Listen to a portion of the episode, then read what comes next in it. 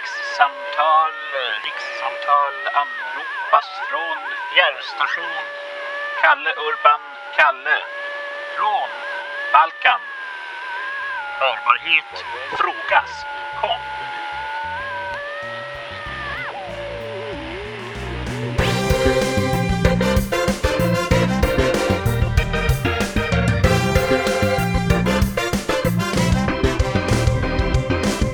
Ja, rikssamtal har den här veckan sträckt sig lite utanför riket. Eh, jag är på semester, men det första jag packade eh, det var en inspelningsstudio. Så jag sitter här just nu i Kroatiens land och eh, sänder piratradio hem till Svea rike. Någonstans i Kroatien befinner jag mig. Eh, som vanligt är Thomas med på länk. Hallå Thomas! Hallå, hallå. Martin kommer att komma lite senare. Han var ute på lite brådskande ärenden. Men det är ju mitt stora nöje att förkunna att vi har en mycket speciell gäst idag. Välkommen till eh, Rikssamtalsstudion. Bland annat min jujutsu-sensei Henrik. Välkommen hit! Tack så mycket. Tack så mycket. Du har ju lyssnat på några avsnitt har jag förstått. Ja, jag har faktiskt följt eh, detta i princip sedan början. Jag har lyssnat på alla avsnitt och jag kom väl i kapp efter ja, två, tre avsnitt tror jag. Ja, Så jag har faktiskt varit med förhållandevis mycket från början. Får jag, får jag vad, kul att höra. Och eh, alltså, vi känner varandra sedan, sedan rätt många år nu. Ehm, det började ju med att jag och min fru tänkte att våra, våra döttrar måste lära sig att slåss. Och i orten där vi bor så fanns det då en... Eh, ja, det talades om en jujutsu-förening. Så det är en bra start. De började där med lite grappling. Eh, jag hade ju en bakgrund från mer stående eh, kampsport sedan tidigare. Jag hade aldrig hållit på med sånt. Men vi tog dit barnen och de började köra. Och det såg så himla kul ut. Så efter några veckor, så satt- man satt som förälder då vid, vid sidlinjen och tittade på, så sa jag väl bara lite så här rakt ut i luften, det här ser väldigt kul ut, finns det inget eh, pass för föräldrarna? Och då sa ju Henrik, jo, jo, det börjar nu direkt efter, hoppa in. Ehm, och då började jag också med jujutsu. Och så höll jag på med det några år och eh, ja, det var så vi lärde känna varandra, Henrik. Ja, det Ja. stämmer. Eh, en intressant eh, detalj i sammanhanget. Jag vet inte om, om du kommer ihåg det, men jag kan berätta då en, en liten anekdot kring detta. Och det är att så fort som du hade börjat, eller då din äldsta dotter framförallt var det väl från början, precis när ni hade kommit dit så jag tror att det var en hösttermin. Jag ska låta det vara osagt, men jag tror att det var det. Och då i alla fall så dök det upp Facebook-reklam eh, hos mig då för ett, eh, en teateruppsättning, en teaterpjäs i den lilla, lilla teatern eh, i närheten av där jag bodde då i en eh, känd svensk eh, storstadsregion. Ehm, nu sitter alla stalkers och kliar sig i huvudet. här. Man har ett Ehm, förnamn och en region. Ja, och då i alla fall så eh, tänkte jag att men det här såg väl spännande ut, någon sorts skräck och dessutom då precis där jag bodde på den tiden. Eh, Så jag bjöd med min mor som jag tror hade fyllt år då, eller fyllde år i samband med det där. Så då gick vi och tittade på teater. Och så tänkte jag, men är inte det där Kurt eh, som, som spelar teater? Eh, Och det var och det var det. det faktiskt. Ja. Men ni gick dit utan att veta det alltså? Ni gick dit bara, vi ska se lite teater och så råkade det vara Ja, kul! Jag, jag vill minnas att det var så, för jag tror inte att det fanns så mycket information Ehm, på den där ja, hemsidan eller vad, vad det nu var, om man, om man köpte biljetter på något sätt. Jag tror inte att det stod så mycket, utan det stod väl om den här, han som regisserade, tror jag, eller hade den här teater, vad det nu var. Eh, efter det har man haft lite andra pjäser där, någon enstaka med, med samma ja, om man nu är regissör, jag vet faktiskt inte Kurt. Du kommer Ja, ihåg? Fred heter han. Han var regissör för den föreställningen som du såg. Sen tror jag han gick in och satte upp en ny uppsättning där han spelade en av rollerna också. Så att han kan ha återkommit i, i det formatet efteråt. Okej, okej. Men det, det är faktiskt den enda teaterpjäs som, som jag såg där under de åren jag bodde i, i dess omedelbara närhet. Och, För- eh, För jag tror att Ja. det värmer ju eh, både mitt hjärta men även Thomas skådespelarhjärta att människor spontant går och ser teater de inte vet någonting om. Ja. Det är ju, fortsätt med det, säger vi till Sverige i stort. Ja, definitivt. Det, det var väldigt bra tycker jag. Och eh, det, det var ju förhållandevis små medel. Det var du och en till väl? Någon tjej? Ja, visst. eh, Det var till en, och- en, kvinna spelade då den eh, titelkaraktären, Kvinnan i svart. Just det. föreställningen hette. Och sen var jag och en annan skådespelare som var på scen i princip hela tiden. Just det. Och eh, den, här eh, teatersalongen, så att säga, den tror jag används mest, för det är väl en sorts kulturhus. Jag tror Mm. att man mest använder det till lite så här folkbio och liknande. Men det, det var ett, ett infall att jag skulle gå dit och titta och det var ju väldigt roligt. Ja, vad kul. Jag, eh, du kom väl fram efteråt, va? Ja, det, det kan ha varit så. Ja.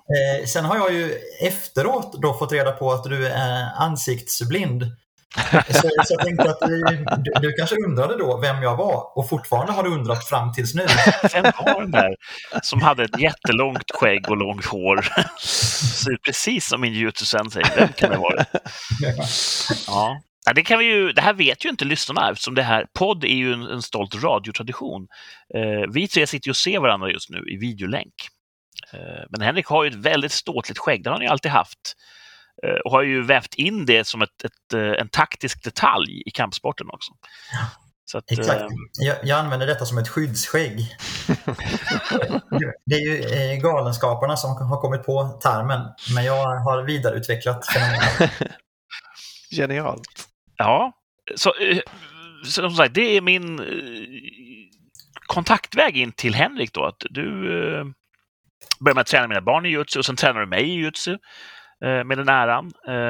Och ja, vår familj är väl mer eller mindre fortfarande inblandad i klubben. Så. Jag, jag funderar själv på att gå tillbaka till hösten kanske och, och plocka upp det igen. Så att det, det, det lever och frodas. Tituleras du då Grasshopper i, när du är elev? Vad för något? Alltså Grasshopper som, som Säger man elev? så? Att det, finns- vad sa du? Säger man så? Ja. Sensei kallar sina elever för Little Grasshopper. Det är klassiskt i många filmer.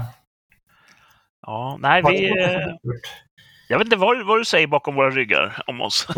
Eh, nej, det kan jag inte heller avslöja i... Man måste Men- uppnå, uppnå rätta nivån. Men finns det inte en titel på studenter? Sensei är ju mästare antar jag. Alltså, Ja, eh, Kohai är lillebror och Ja, Senpai är ju storbror. Mhm. Exakt, det stämmer. Eh, man kan ju vara mer eller mindre formell när man tränar. Eh, just sensei är ju en titel som man inte ska använda om sig själv egentligen, utan det är ju någonting som andra använder om en eller till en så att säga. Eh, alltså en ära som man inte kan ge sig själv utan som Mhm. man då ska, ska få av andra. Eh, men det är ganska vanligt att man använder det i kampsporter som en titel, antingen när man har svart bälte eller efter till exempel när man har fått tre dan är det ibland, alltså det tredje svarta bältet, eller hur man vill säga. Mm. Eh, och, och, och de som är under den nivån där man kallas för sensei, men fortfarande tränare brukar då kallas för senpai, eh, som alltså då är en äldre elev, Mhm. lite slarvigt översatt. Eh, och kohai använder man nästan aldrig i kampsportsammanhang så vitt jag har sett, men, men det är ju den rimliga termen på japanska, alltså motsatsen till senpai. En kohai är alltså en, en yngre elev än man själv är. De här termerna används väl även i reguljära skolväsendet i Japan? Att man kan kalla en lärare eller professor för, för sensei? Definitivt. Sensei kan du använda om nä- nästan vad som helst, höll jag på att säga. Det, det betyder inte specifikt lärare, utan det, ordet kommer från någonting att det är någon som går före en. Mhm. eh, Som man följer, så En, att en säga. ledare, kan man säga. Ja, lite åt det hållet, men, men mer, eh, hur ska man säga, andligt kanske, eller förebildsmässigt. Det, det är alltså inte, inte nödvändigtvis en, en politisk ledare, utan någon som du ser upp till helt enkelt. Just det. Kan du kalla för sensei. Och, och elever på en skola, yngre årskullar, kan nog kallas som de äldre eleverna för, eh, för senpai. Ja, senpai och, kohai tror jag att man använder på det sättet i Japan. Definitivt. Så det, det är mer elevmässigt. Mm. Ja. Eh, hur kom du in på jujutsu? Det har vi aldrig pratat om du och jag. När började du med jujutsu och hur startade den banan? Ja, det är ganska intressant för jag är ju ingen sportmänniska alls. Jag har aldrig hållit på med någon sport förutom kampsport och aldrig velat göra det heller. Jag försökte aldrig spela fotboll som barn eller sådär. Eh, det berodde nog egentligen på att innan jag flyttade till en eh, känd sydsvensk storstadsregion så bodde jag i en mindre känd eh, uppländsk småstadsregion. Eh, en bra ledtråd. Och, eh, där hade jag en, en granne som började träna judo. Eh, och för de lyssnare som inte vet så är ju judo lite förenklat en, en gren på jujutsu-trädet. Det var alltså en jujutsu-mästare som började kalla sin stil för judo och gjorde det mer då till en eh, gymnastikform och, och tävlingsform så att säga. I slutet på 1800-talet. Eh, men i alla fall, min granne började träna judo och vi var då jämngamla, vi var 13 då. Och när man då bodde på landet lite grann som jag gjorde, då hade man ju ingen riktig koppling till det där. Det fanns judo i stan, det fanns taekwondo, det fanns karate tror jag. Jag hade aldrig haft något intresse för det där men eh, min granne hade då någon sån här katalog från, från SBI tror jag att det var, som ju fortfarande finns då i, i Malmö faktiskt. Eh, och då fanns det ju då Bruce Lee-planscher till exempel och nunchakus och, och sådana saker i den här katalogen. Och då insåg man ju att det var ganska häftigt eh, det man skulle hålla på med. Eh, så då började jag med judo och tränade det en termin och hade väl väldigt vag uppfattning om vad det var, men jag tyckte väl att det var kul. Eh, så jag tränade där en dag i veckan och blev graderad till gult bälte. Sen efter det så flyttade vi då till, till Skåne, får vi säga. Och eh, då kunde jag fortsatt med judo, men då låg det en jujutsu-klubb mer eh, lämpligt till för mig. Eh, faktiskt i samma hus som den här teaterpjäsen som jag sedan skulle gå till. Jaha. Eh, för det var då en sorts fritids och, och kulturhus. Så en fritidsgård och bibliotek och den här teatersalongen och eh, även då en, en jujutsu-klubb Ehm, där flera i min klass gick, så då blev det att jag började där. Och sen passade jujutsu mig väldigt bra. Jag är ointresserad av sport, men jag är intresserad av eh, organisation. Eller jag är, jag är intresserad av hur man eh, formellt bygger upp olika saker. Det, det, det tilltalar mig väldigt mycket att eh, kategorisera och katalogisera saker. Då passar det väldigt bra med, med bälten och, och eh, den här biten och, och, och sen har det egentligen bara fortsatt på samma sätt. Sen är jag också väldigt intresserad av, av österländsk kultur och filosofi eller religion i vissa fall. Så då har det passat bra att jag har kunnat fortsätta och jag har fått utlopp för att, att driva föreningar och så vidare eh, som jag tycker är intressant också. Så. Mm. Det kan man ju minst sagt säga. Du, har, du är ju en eldsjäl och drar ju ett enormt tungt lass i, i föreningen som, som eh, alltså vi kopplar till. Så, att säga. så det, det är ju ingen det, hemlighet. Nej, definitivt. Jag, jag håller väldigt mycket träningspass. Eh, och jag är kassör i den här föreningen nu då som vi har. Eh, vi, vi firar faktiskt tioårsjubileum för vår jujutsu i eh, den del av denna storstadsregion som jag och Kurt tränar i. Eh, nu i augusti faktiskt ska vi ha tio års, eh, eller firar vi tio år så det blir under hösten här lite, lite firande. Så det, det är många tusen timmar som jag har lagt på jujutsu i, i olika former då under, under de här åren, tio åren framförallt. Wow, imponerande. Ja. Thomas, eh, du har ju också kampsportsförflutet. Alltså jag, har, eh, jag har ju tränat alla sporter som finns en termin styck. Ja.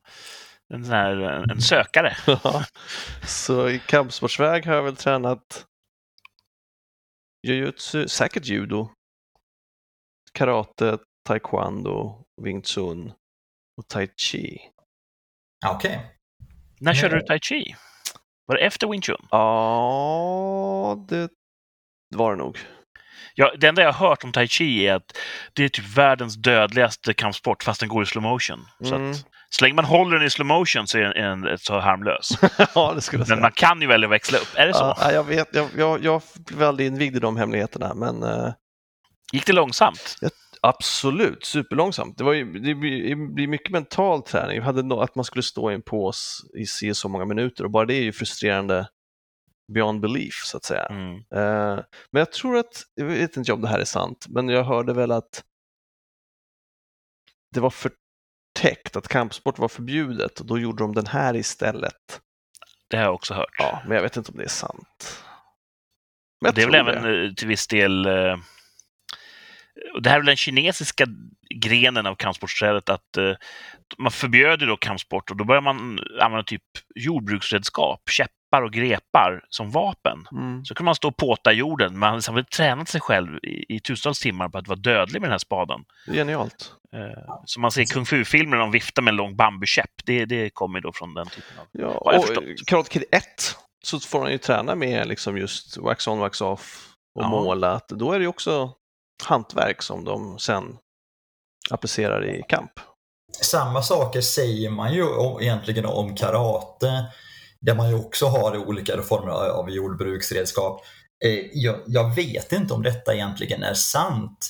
Det jag tänker mig är sant är kanske inte nödvändigtvis att det har varit förbjudet, eh, utan kanske snarare då att eh, Eh, till exempel då, den, på den japanska sidan så att säga, då hade vi samurajer som var då en sorts adel.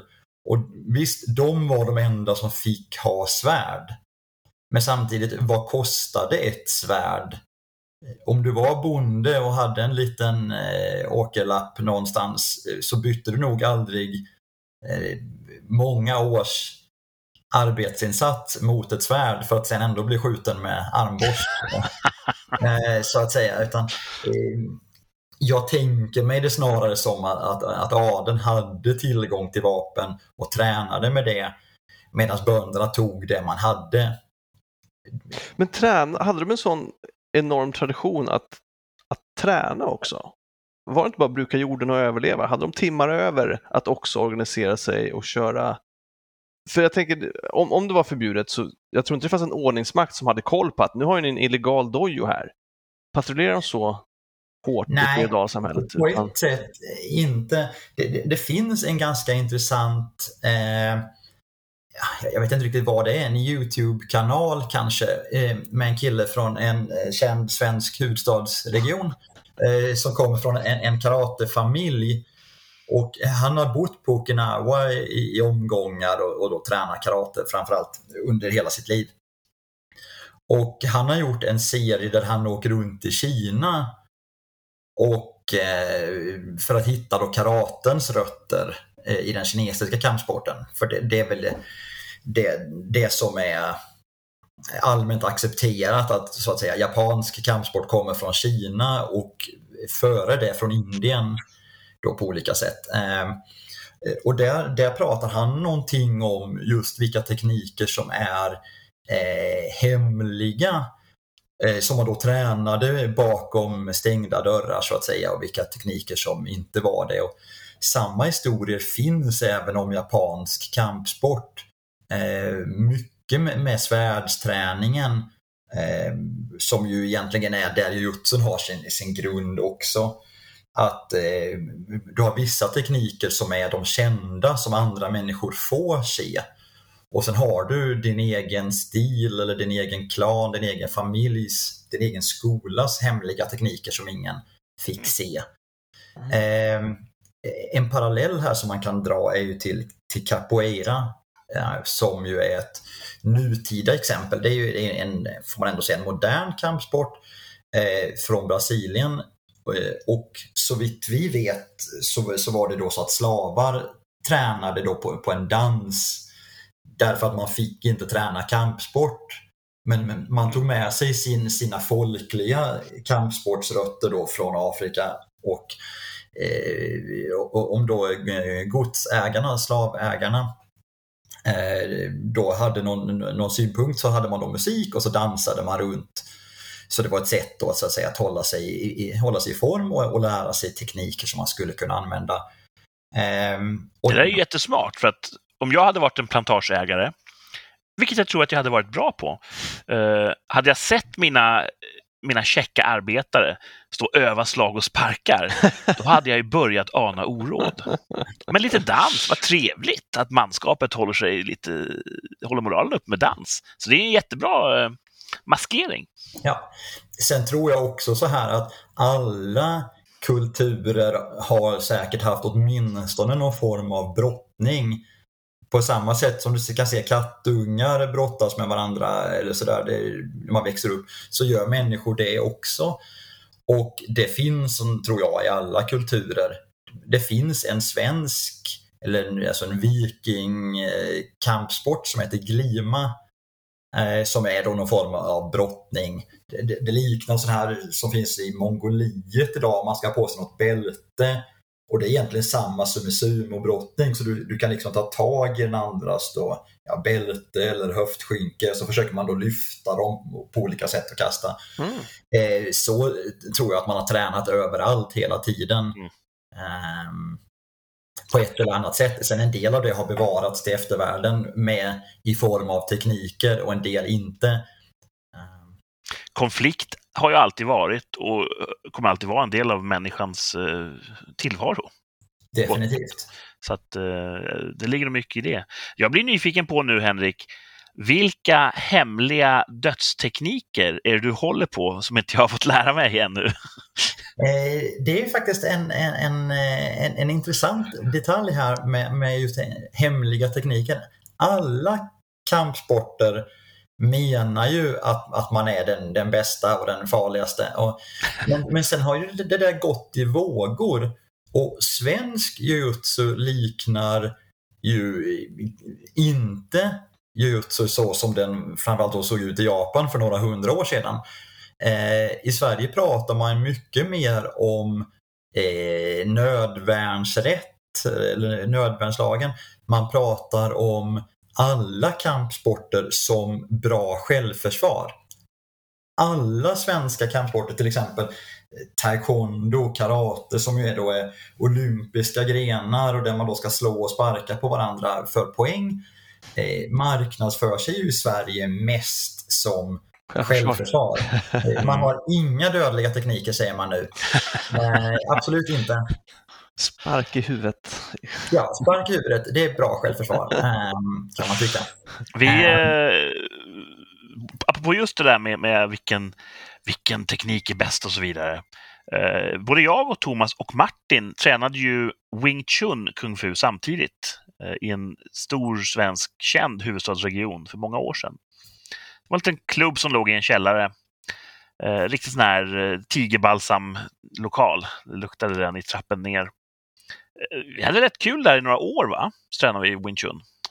Två terminer kanske? Och för de som inte är insatta, då, Wing Chun, som det såldes in till oss, det var ju så här Hong Kong Street Fighting. Att det här är ju bara fokuserat på implementation. Det här är ju för att snabbt vinna fighten. Det finns inga stilpoäng, det finns, du kan inte tävla det här för det är så dödligt. Um, och det lät ju jättebra och vi tränade jättelänge på de här rörelserna då. Uh, att träna upp reflexerna på att alltid vara offensiv och så vidare. Och jag levde i tron att Wing Chun är ju helt oövervinnligt. Sen kom ju MMA eh, och man började köra olika kampsportstilar mot varandra. Och Wing Chun har väl aldrig gjort någonting annat än gjort bort sig i sådana sammanhang tror jag. jag tror ingen Wing Chunare som har, tyvärr. som har I princip sig. så. Det finns en tjej som jag tror tävlar i Ultimate Fighting nu som jag tror har en bakgrund i Wushu som ju är ett annat namn på, på kung fu. Det hänger väl ihop med regimen på ett eller annat sätt, vad man kallar det för.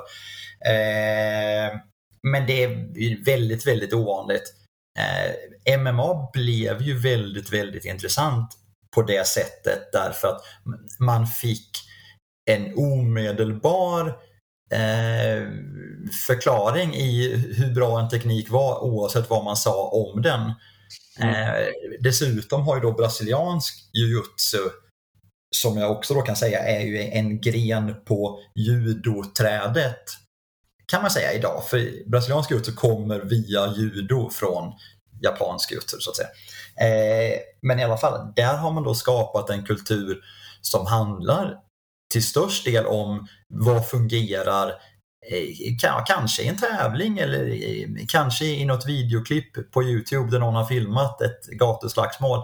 Eh, det som fungerar är rätt och det som man bara påstår fungerar, det fungerar inte tills motsatsen är bevisad.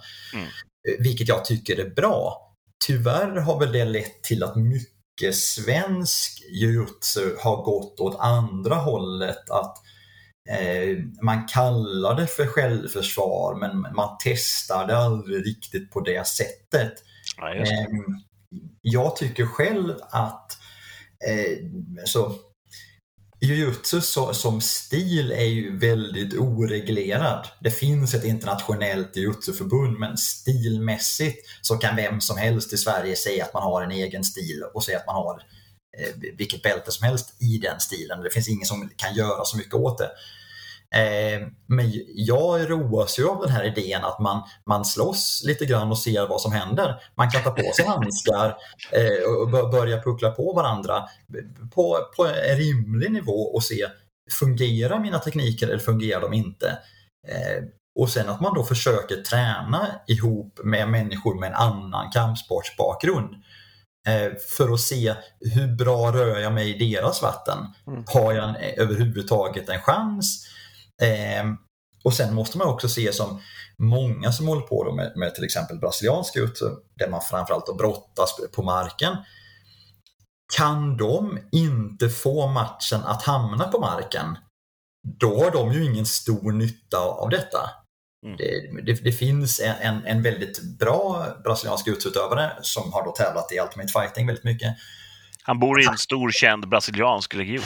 Ja, det gör han definitivt. Ja. Eh, definitivt gör han det. Och han, eller Demian Maia heter han, kan jag, kan jag nämna. Kan man googla på honom. Han vann ganska mycket först. Sen vann han inte mycket under en period, helt enkelt, helt enkelt därför att matcherna förblev stående. Han kunde inte göra så att matcherna hamnade på marken. Folk lärde sig vad hans svaghet var.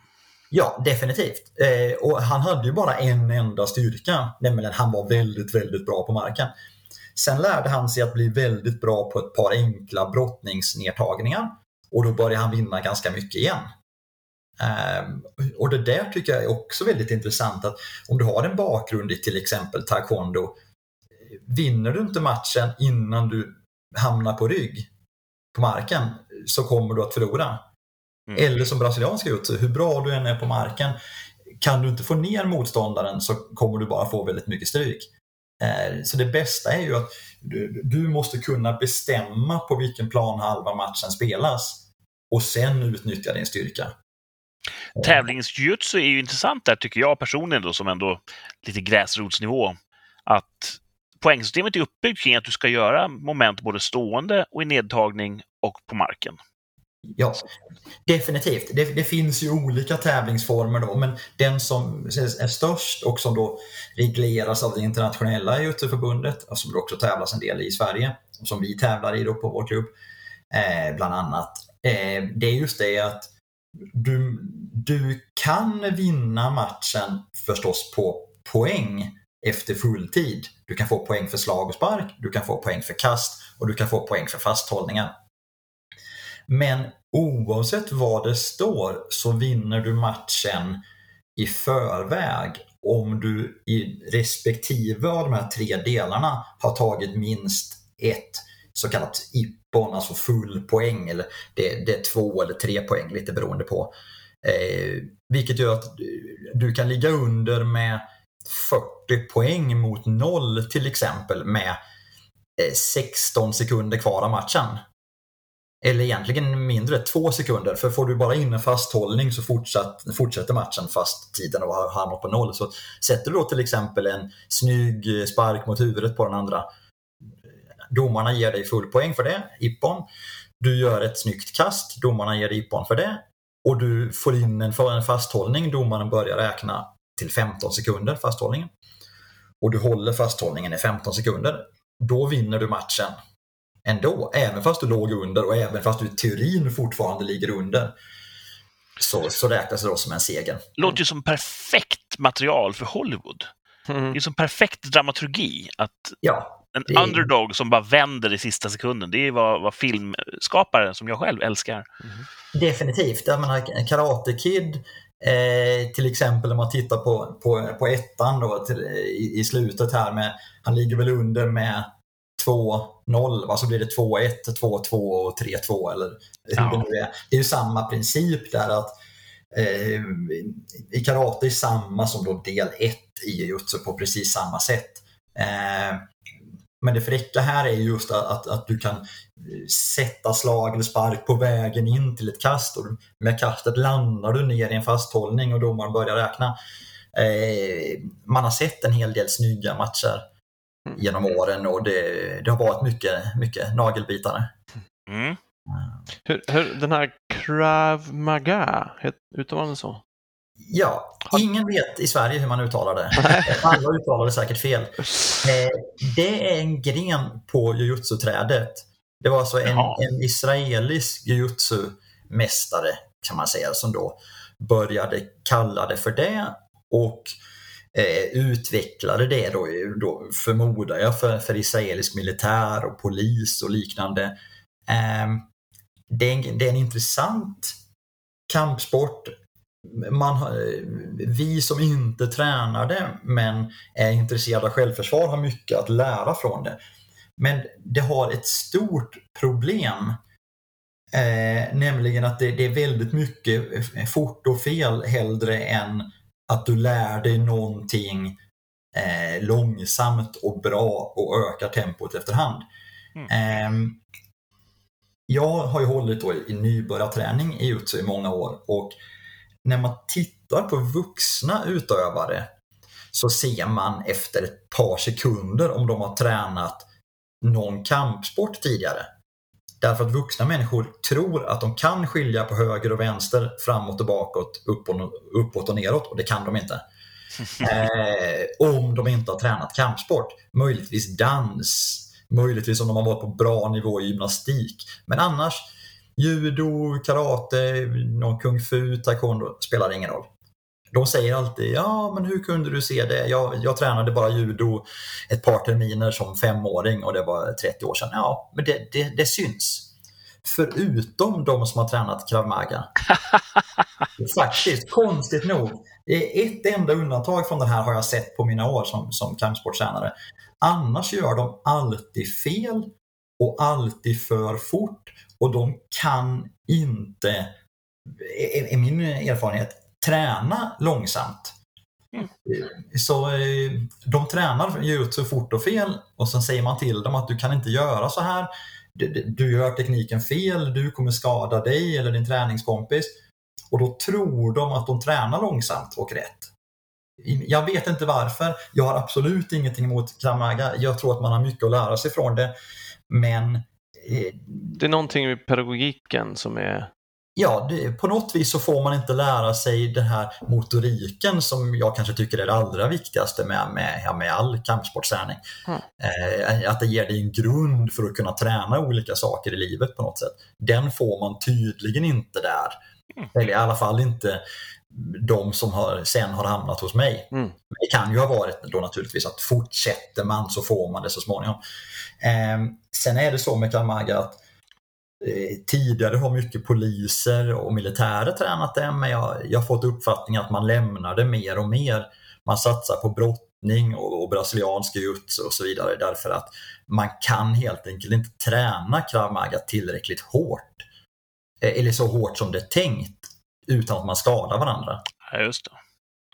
Man måste ha någonting där man kan dra upp tempot och intensiteten utan att man helt enkelt skadar sin träningskompis omedelbart.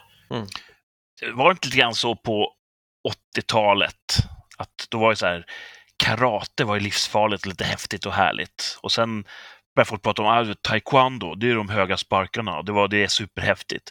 Sen 90-talet, någon gång där 2000-talet, då man snackar mycket om krav maga. Att ah, du vet, det är det ultimata, det är det häftiga. Så att jag, jag ifrågasätter inte alls om det är effektivt uh, för syftet. Men jag tror att det var, det var lite mode i krav maga ett tag.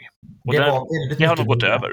Ja, det var väldigt mycket mode, men det förlorade ju egentligen därför att MMA och brasiliansk jiu-jitsu blev stort mer eller mindre samtidigt. Så de som var intresserade av kampsport började med, med, brasiliansk jiu-jitsu eller delvis MMA. De som inte egentligen var intresserade av det, de började med krav maga och slutade sen istället. Mm. Tror jag. Så det, det överlevde liksom inte den, eh, den trenden som blev. Vi ska inte heller glömma bort det här sovjetiska självförsvaret eh, Kamrate. ja. Eh, nej, där var jag, där ljög jag. Det fanns inte någon sån kampsport. Nej, men- däremot så har jag hört en del föräldrar använda det uttrycket att det är det man ska ägna sig åt istället för karate. När barnen säger att Ja. de vill träna kampsport. Mm. Så det, det finns. Jag har ju... eh, Jag tränar ingen kampsport som barn, utan det börjar ju i, i vuxen ålder. Jag undrar om inte Wing Chun var det första jag tränade. Mm. Sen har jag tränat eh, ja, en lite mer eh, tävlingsinriktad kung fu-stil. Jag har tränat lite boxning. Um, och sen kom jag då till, till jujutsun. Den vägen gick jag. Men jag, för mig var det väldigt självklart för mina barn att självklart måste de få en kampsportsfostran. För att det känns som att, eh, lite grann det här Henrik var inne på, jag har inte tänkt på det i de termerna, men den här kroppsmedvetenheten. Att man lär sig använda sin kropp väldigt aktivt och medvetet och på ett strategiskt sätt. Och även om man aldrig hamnar i slagsmål med någon så tänker jag att det är en väldigt nyttig och mångsidig träning att få tidigt i livet. Så, ja. Definitivt. Eh, och det är bland det som jag tycker är viktigast. Sen tycker jag att det så, på något vis märks det jag har ju hållit en del eh, självförsvar för tjejer och så vidare, en del sån, sån träning. Och eh, jag tror att lite stereotypt här så just killar som har legat och brottats på skolgården som, barn, vi klarar av en viss fysisk närhet utan att få panik av det eller eh, vi, vi kan acceptera det för oss själva även om vi inte vill vara i situationen och även om vi, vi behöver göra saker för att komma därifrån. Så, så är det inte så långt ifrån någonting som vi ändå liksom klarar av att hantera på det sättet. Sen kan man ju naturligtvis få stryk ändå men, men jag tror att många tjejer eh, det är en mycket, mycket större grej för tjejer att, att ligga och brottas med någon om de inte har börjat med det rätt så tidigt. Ehm, och det är klart att det är fler och fler tjejer som tränar kampsport så det blir ju kanske mindre och mindre av ett problem. Men, men just att man som tjej kan, kan förhålla sig till den här fysiska kontakten. Acceptera är kanske fel ord men, men ni förstår vad jag menar. Mm. Mm. Eh, att, att man kan förhålla sig till den och försvara sig på ett eh, intellektuellt rimligt sätt istället för att bara gripas av panik. Det tror jag är viktigare eh, än något annat. Och också den här självförsvarsgrejen. Jag, jag brukar prata om när jag håller självförsvar för tjejer att om jag går ute på, på stan en sen natt och så ser jag en tjej som går, vi kanske är på väg åt samma håll. Så jag kan alltid lista ut när hon har sett mig på, på, på kroppsspråket. Mm. Helt enkelt för hon, hon krymper ihop och går närmare väggen och så vidare. Det är väldigt, väldigt vanligt. Eh, och Tittar man på djur, man tittar på sådana här kattvideos på, på Youtube eller någonting, eh, Discovery-program om djur, så djur har kroppsspråk som är väldigt enkla och tydliga och, och de, de förstår vi. Men vi förstår kanske inte som människor att vi har samma kroppsspråk. Ja, just det. Eh, en person som, som kryper ihop och försöker göra sig osynlig hävdar jag är en person som troligare kommer att bli attackerad. Ja, visst. Därför att den som är ute i det ärendet vi är ju inte ute i det ärendet för att själv få stryk. En katt gör sig ju stor för att kanske då vinna fighten innan den ens har börjat. Ja. och jag tror människor, eh, vare sig vi vill eller inte, så har vi samma typ av, av omedvetna kommunikationssystem. Ja, det har vi definitivt. Och eh, Man vet det kanske inte själv. Den som läser det här för att kanske attackera tänker kanske inte på det heller. Men just där och då så, så är, kan det vara skillnaden tror jag mellan om du går till attack eller inte. Mm. Mm. Och, och, bara det att du får en medvetenhet om din kropp, att, att du känner eh, så bara kopplingen mellan hjärnan och musklerna för en rörelse du aldrig har gjort. Den är inte så självklar som man, Nej, som man tror. Har du aldrig testat att slå hårt på något eller någon så är inte det så självklart. Det är synd att börja när det är skarpt läge. Ja, visst, det är definitivt. Du, då fungerar inga grejer som du inte har testat tidigare. Jag har ju tränat med jättemånga kvinnor och tjejer genom åren och det har jag absolut ingenting emot. Jag tycker det, det kvittar egentligen. Jag tycker det är en ganska så könlös tillvaro. Man, man tränar med träningskamrater rakt igenom. Men lite raljant har jag gjort observationer att det finns två typer av tjejer man kan träna med då i kampsportvärlden. Kategori 1, de slår och sparkar för löst. För att de inte ännu har knyter sin egen kontakt till det. De, de, de är inte, så säga, det, det, är inte analogt för dem att, att göra det här, utan de, de är väldigt eh, tillbakadragna. Och kategori två, de slår och sparkar för hårt.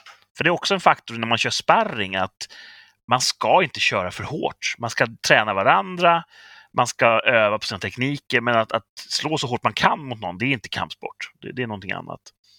Eh, och ofta är det man får mest stryk av tjejer som har upptäckt det här och sen kanske då de kanske har självvilja att jag är lite mindre än motståndare. Jag öser på. De kanske aldrig får bli korrigerade på det. Nej. På grund av kultur och så vidare. Så det är lite raljant finns det två sorters tjejer. Slå för löst eller slå för hårt. Det är min erfarenhet. Det jag kan säga väldigt stereotypt här också, då, när jag har tränat brasiliansk jutsu genom åren eller med den typen av träning. Eh, jag håller mig då till, till nybörjarträning. Helt enkelt därför att hur mycket kampsport som jag än har tränat så, så är detta är, någonting nytt för mig eller eh, någonting där jag vill, vill och behöver lära mig grunderna. Men, men då är det problematiska att tränar man brasiliansk jujutsu som nybörjare, som vuxen kille, så tränar man ihop med, med killar som är 20-25 och aldrig har tränat kampsport tidigare och kör alldeles för hårt. Mm. Och då blir den här kramaga fort och fel. Sen blir de, pedagogiken är ändå bra, de kommer att bli bra. Men inte då tror jag innan de har skadat mig. Eh, så därför klappar jag av då hellre jättefort eller tränar inte alls. Eh, där föredrar jag alltid att träna med tjejer. Mm. Det, det, är sällan tycker jag som man får den chansen. För sig brukar träna med, med varandra naturligtvis. Och det tycker tränarna är bättre också. Eh, och det är det kanske totalt sett i den miljön. Men för mig ger det mycket mer att träna med tjejer då. Därför att de är långsamma, metodiska, gör övningarna rätt eh, i det tempo, oftast då långsamt, som tränarna tycker att man ska ha när man börjar lära sig. Eh, och är det sparring så försöker de använda rätt tekniker. De, de använder då kanske inte eh, muskler eller vikt beroende då kanske på att de inte har det i, i sammanhanget utan de använder teknik. Eh, det gör det mycket, mycket bättre för mig att, att träna med tjejer. Eh, ja, i, inom boxningen var det ju så att det var, all, det var alltid svårast att sparras med nybörjare. Det var alltid flest fläskläppar och, och, orena slag där för att de, mm. de kör för hårt. Och sen i framförallt sparring så blir det lätt så att man håller tillbaka lite grann och då går den andra in för hårt och då börjar man ge, ge igen vare sig man vill eller inte. Och så blir det bara en eskalering tills tränaren säger äh, stopp, stopp, stopp, nu tillbaks till övningen så att säga. Sparring är inte ett slagsmål, det är en, det är en övningsform. Så, men, hur, nybörjare, det är alltid de som inte har kontroll på sina slag och som kanske ja. connectar lite för hårt och så vidare. Jag fick, jag måste säga, jag fick en, en realtidsprotest här från min fru som också har tränat kampsport i väldigt, väldigt många år. Uh, hon invänder högljutt mot min uh, beskrivning av att det finns två sorters kampsportstjejer.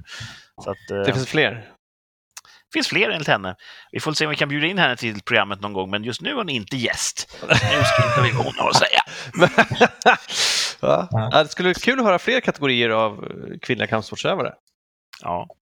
Man får jättegärna höra av sig om man är en kampsportsutövare, manlig som kvinnlig. Skriv och berätta. Eh, vi finns på Instagram, signaturen rikspodd. Skriv i kommentarerna om det kanske är en tredje, ännu ej upptäckt kategori kampsportskvinnor som finns där ute någonstans.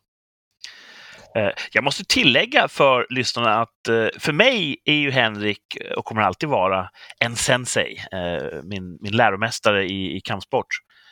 Men det roliga tycker jag det är att du har en helt annan sida, en helt annan karriär vid sidan om som musiker.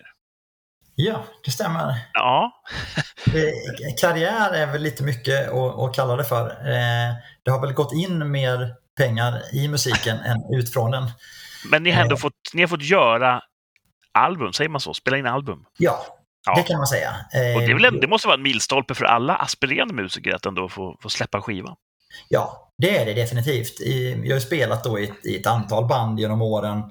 Eh, och, och på sätt och vis kom jag in i, i det där på samma sätt så, som kampsporten. Att eh, en granne. men, nej, nej, men, musik verkade väl lite häftigt och det, och det var någon, någon skolkompis som spelade i något band. Och, så jag var och tittade på en punkkonsert och tänkte att det där kan väl jag också göra.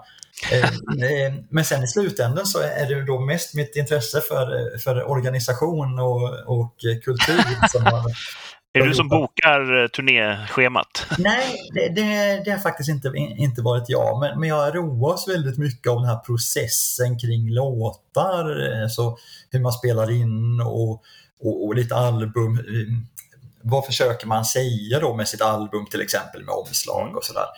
Eh, så visst, jag, jag har lyckats släppa ett par album genom åren. Och, eh, men det roligaste för mig har faktiskt varit turnéer, tycker jag. Vi har åkt på ett antal turnéer här genom åren. Eh, inte så här nightliners, att man åker i buss eh, och sover på bussen och så vidare. Det har, har vi aldrig gjort. Men, men, men mycket så här folkabuss genom Europa ett par Mm. veckor. Eh, och det har varit väldigt, väldigt roligt tycker jag. Och, och eh, det är nästan svårare än att spela in en platta. Så i, idag kan alla med ett rimligt ljudkort och en dator spela in en skiva och man kanske kan lägga upp den på Spotify till exempel. Eh, skivbolag blir kanske mindre. Eh, eller det finns färre stora skivbolag och många små som kanske då hjälper till, pressar upp eh, kassetter och så vidare. Men, men just turné är någonting annat och mycket svårare att få ihop. Eh, Så nu när jag, tittar tillbaka på det så har det kanske varit det mest eh, givande för mig. Ska vi säga vad bandet heter, som du är mest aktiv i? Ja, det kan vi säga. Och det, ju- det som du tänker på det är då Pyramido. Ja, precis. Eh, och vi har funnits nu sedan 2006 faktiskt. Wow. Eh, det är en evighet i musikbranschen. Ja, det, det är det ju på sätt och vis. Det, det har inte varit några 15 minuters eh, kändisskap eh, än på den här tiden. Men, Men har, har ni upptäckt på turnén att ni var eh, mer gångbara, mer populärare utanför Sverige än vad ni hade trott? För det måste ju vara en... Ja. Man turnerar i andra länder sådär. Att, eh. Definitivt. Grejen där är väl att i Sverige så är det rätt svårt att spela. Därför att men, alltså, vi har inte riktigt den kulturen i Sverige. Om du vill gå ut och dricka öl en kväll så går du hellre någonstans där det inte spelas musik eh, än vad du vill lyssna på ett band som du inte känner till. Så som litet band i Sverige så kan du spela på en pub och bjuda dit dina kompisar eller du kan spela som förband om du har tur på, på en stor konsert. Ehm, men i andra länder kanske det mer finns en kultur av att gå på spelningar. Mm. Och, och det är ju skillnad till exempel, spelar vi i Berlin så kan vi, det är slutsålt. För stället är fullpackat. Det kommer hundratals människor och tittar. Däremot så kanske ingen köper en skiva. Därför att för, för oss, eller för dem är vi ett band i mängden. Vår spelning var en spelning i mängden. De går på spelningar varje fredag, lördag. De har inte råd att köpa skivor hela tiden. Nej, det, det, det är inte det de är ute efter. Mm. Medan om vi däremot kanske spelar en, en måndag eh, i någon håla någonstans i Tyskland så kanske det kommer tio personer och tittar. Men det är alla tio som bor i den hålan som lyssnar på något annat än radiomusik. Mm. Så då har man ju nått ut på ett annat sätt och, och då kanske alla köper ett par skivor och ett par tröjor. Då, har man ju nått fram på ett annat sätt. Ja. Men du Ja. spelar bas och gitarr, va? Eller? Ja, jag spelar gitarr i Pyramid och jag var basist från början. Eh, men jag, ja, egentligen så har jag väl aldrig varit eh, så bra på varken, varken på bas eller, eller gitarr. Och, eh, jag vet att när jag kom med i bandet så, så fanns det redan, så att säga, då fanns det en trummis och en gitarrist. De ville ha en basist och en sångare. Och då stod det mellan mig och en annan basist som väl egentligen var mycket bättre. Eh, Men jag var, hade redan utrustning i samma replokal. Så då blev det liksom mer logiskt att fråga mig. Mm. Eh, Och på det viset kom jag med. Några år senare så kom den andra killen med. Och då, då hade de andra snackat med honom om att han kunde börja spela gitarr i bandet för vi behövde en gitarrist till. Men då protesterade jag och menade det är bättre att jag spelar gitarr som kan det och han spelar bas som kan det. Så då bytte vi helt enkelt Ah, med varandra. alla vann på det. Ja, alla vann. Så nu är jag Ja. gitarrist i, i bandet. Jag tänkte först när sa att det stod mellan dig och någon annan och då använde du en förbjuden dödsteknik på honom. Ja. Sen, sen var det bara du kvar. Eh, det, det finns faktiskt, tror jag, någon video på bandet där jag demonstrerar någon dödlig teknik på vår basist. Jaså? Eh, ja, Du var ju tvungen att titta på hela katalogen. ja, vi, vi är ju faktiskt, och det får man säga, ett ganska skojfriskt band på olika sätt. Så vi har eh, eh, väl, eh, lagt upp mycket saker som vi tycker är roliga genom åren. Och, eh, vi har släppt en del videos och i en av dem som vi har gjort, nu är jag osäker på vilken låt det är för vi har gjort till en del olika låtar, men då finns det i alla fall en video där vi alla har fått filma vad vi gör en vanlig dag. Och sen har vi då klippt ihop detta. Ah. Eh, och då är faktiskt filmat hos oss nere på klubben eh, med, med barn som tränar och som slåss med mig och sådär. Då blir det kampsport. Och då blir det kampsport. Så Ja. där, där kan man också se en eller annan dödlig teknik. Tematiskt lite vid sidan av musikgenren kanske.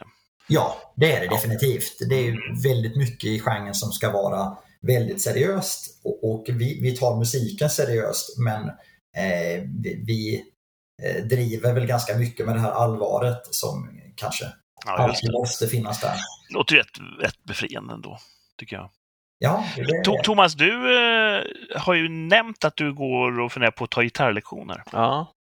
Ja. Du, har, du äger ju flera gitarrer. ja, jag äger en akustisk och en el. Ja, det är flera. Och eh, i mitt tycke så kan ju du spela gitarr. Jag vet inte var du har fått det ifrån. Jag tror att det är för att du har sett gitarrerna bara. Ja, Ja. vem, vem äger två gitarrer utan att kunna spela på dem, tänker jag. ja. Men du står i begrepp att lära dig spela Ja, det vore- elgitarr eller klassisk? Ah, Det vore roligt att kunna eh, Ja. båda. Finns det några bra tips? Någon som ska lära sig spela elgitarr? Så, som jag ser det så eh, det- beror lite grann på vad man är ute efter. Jag började spela Brudar, gitarr- brudar, brudar. Exakt! Eh, Någonstans har det väl varit så så många har börjat men eh, av de som började spela gitarr samtidigt som jag i min, i, min- i min umgängeskrets så eh, de som snabbast blev bra på att spela hamnade sen i coverband tror jag, eller slutade spela. Helt enkelt därför att de inte var intresserade av den kulturella eller artistiska sidan egentligen. De ville lära sig spela eh, så fort som möjligt.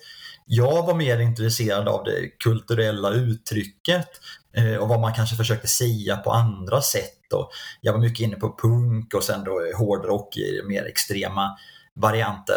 Så jag har spelat gitarr nu i ja, snart två decennier och är fortfarande en en högst medelmåttig gitarrist. Men jag eh, vet vad jag försöker säga med mitt gitarrspel och lyckas väl med det.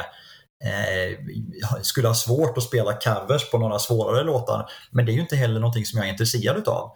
Så att mitt tips är väl egentligen att, att lyssna på musik som man gillar och försöka spela det. Mm. Eh, och, och sen så kan man då titta på nätet, det finns då mängder med videos på Youtube, enkla ackord. Mm, men tittar man till exempel på, på det man kan brukar kalla för kvinter ibland när man spelar gitarr, det är alltså ett, en, en sorts fuskackord. Ehm, Då kan man ju spela alla låtar på det sättet, och som till exempel då Ramones, eller är väl lite kända, eh, får bara spela på det sättet på väldigt många skivor. Ehm, och då kan man ju spela alla låtar på det sättet. Alltså fuska sig fram lite grann för att känna, för att slippa det här blinka lilla stjärna tills man är tillräckligt bra. Smart! Så Fusk, det- Thomas. Bra Det tips. är faktiskt bra. Ja, ja härligt. Eh, Hur många, hur många danspass har du kvar? Är de klara nu? Klart. Det är klart.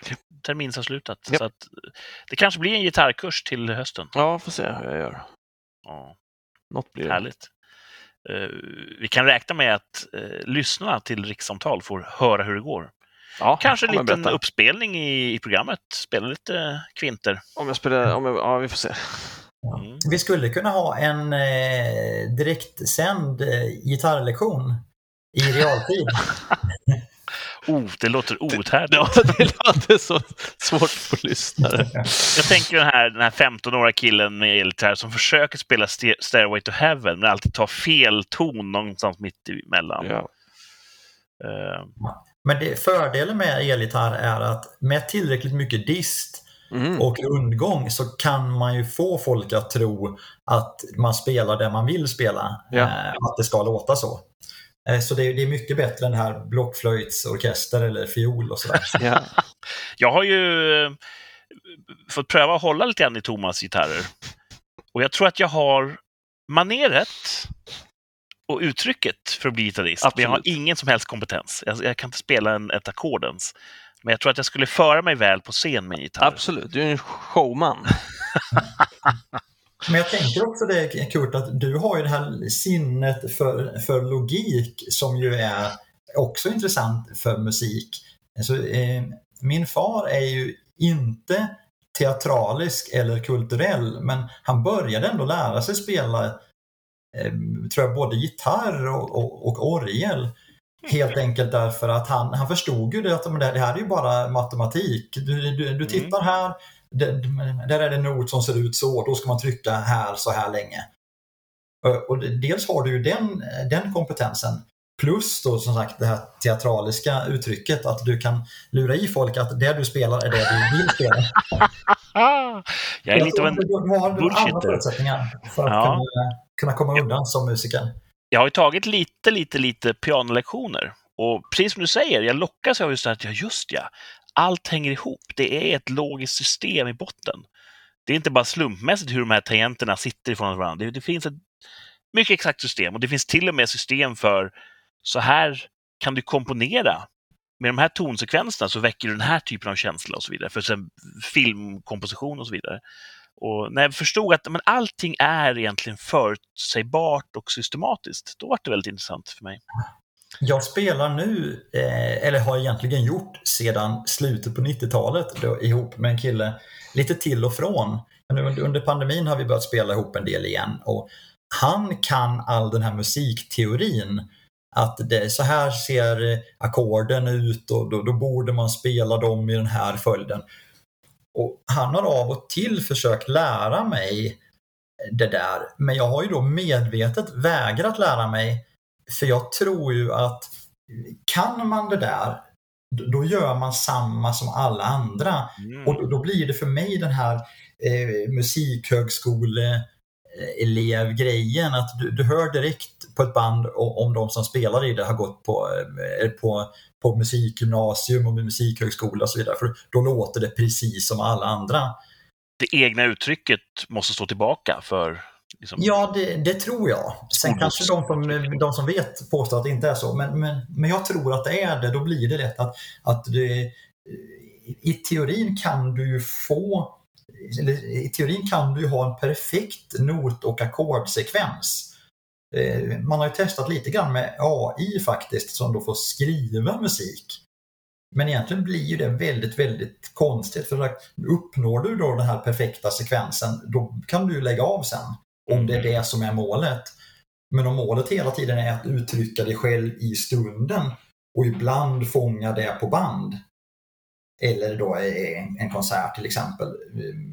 Då menar jag att då, då, då kan det bli för mycket teori ibland. Du Thomas har ju uttryckt att eh, teaterutbildning, du har varit orolig att du ska förlora någonting av att du systematiskt lär dig hantverket. Mm. Skulle du säga att jag sammanfattade din känsla väl, eller? Ja, och jag tror lite så här i efterhand att framförallt den första utbildningen jag gick tog bort mycket av spontaniteten och sänkte min improvisationsförmåga för att helt plötsligt fick jag massa regler i huvudet. Ja. Så här kan jag inte göra för att det, det passar ju inte in i Ja, systemet. jag la ett liksom. filter på mig själv helt enkelt.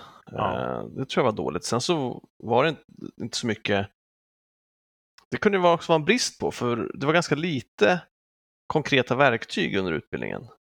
Och ganska mycket, ja, det får man liksom söka efter. Man, fan, kom igen. Mm. Bättre än så kan ni liksom.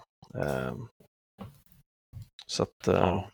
ja, Jag är ju totalt outbildad inom det mesta jag håller på med. Så att jag är ju jag är fri från det oket. Mm, det är väldigt bra. Ja, på en del sätt, ja. Väldigt bra. ja. Ehm, innan timmen blir för sen så vill jag veta lite grann om veckan som gick. Jag och Thomas sa under uppsnacket här att det känns som det var jättelänge sedan vi hördes, men det var egentligen bara en vecka sedan vi sände ett avsnitt senast. Jag vill höra vad som har hänt i Thomas vecka och vad kul att få höra vad som har hänt i en Henrik-vecka också. Vi börjar med Thomas. Ja. Hur var veckan som gick? Eh, helt vanlig arbetsvecka.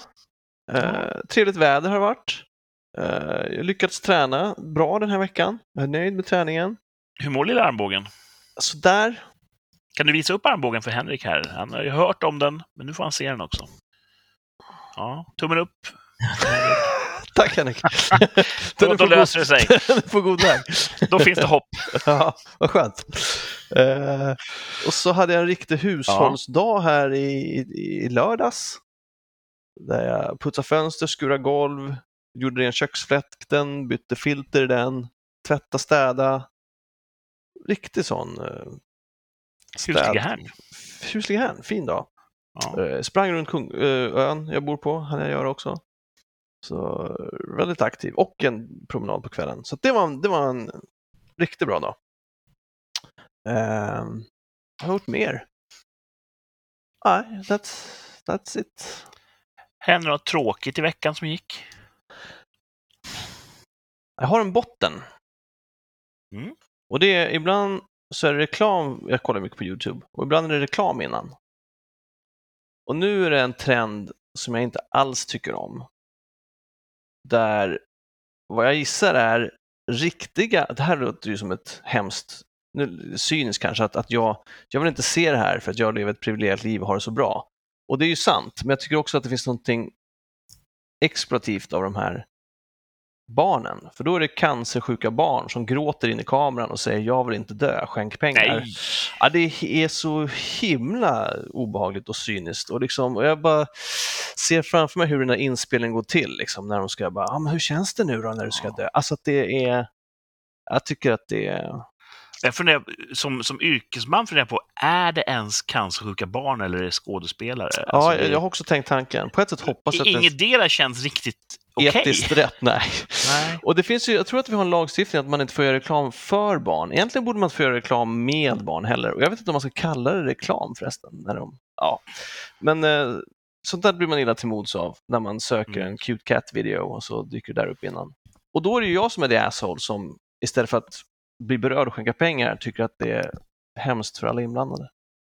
Ja. Jag, jag håller med, jag förstår precis vad du menar. Ja. För Obehaglig trend. Ja, jag kan känna med dem, men jag blir totalt avtänd för att ha med dem att göra när det är så himla eh, klibbigt. Cyniskt. Mm. Mm. Så det var... Ja, Ja. botten. Eh, Men en bra vecka lät det som i övrigt. I övrigt en bra vecka. Ja, du mår bra. Alltså, absolut, förhållandevis. Så jag, är, Ja. jag har klippt mig. Eh, det var inte awkward med frisören.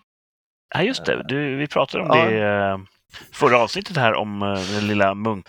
Ja, just det. Det kunde inte göra någonting åt, sa hon. Det var Nej. bara, hon bara, Det gick inte att lappa och laga. Nej, hon sa att... eh, För jag vill ju ha en liten sån här... För, för det var så pass långt så jag kunde kamma det bakåt och ha en sidbena och ha en sån här Ken-docka-frisyr. Mm. Som jag kan tycka är ganska trevlig ibland.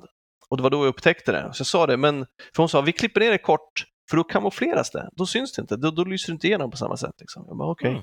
Så det här, de här Ken-frisyrerna, de har bara att glömma då. Hon bara, om du störs av det, ja, men annars störs du inte av det, då får du ha hur du vill.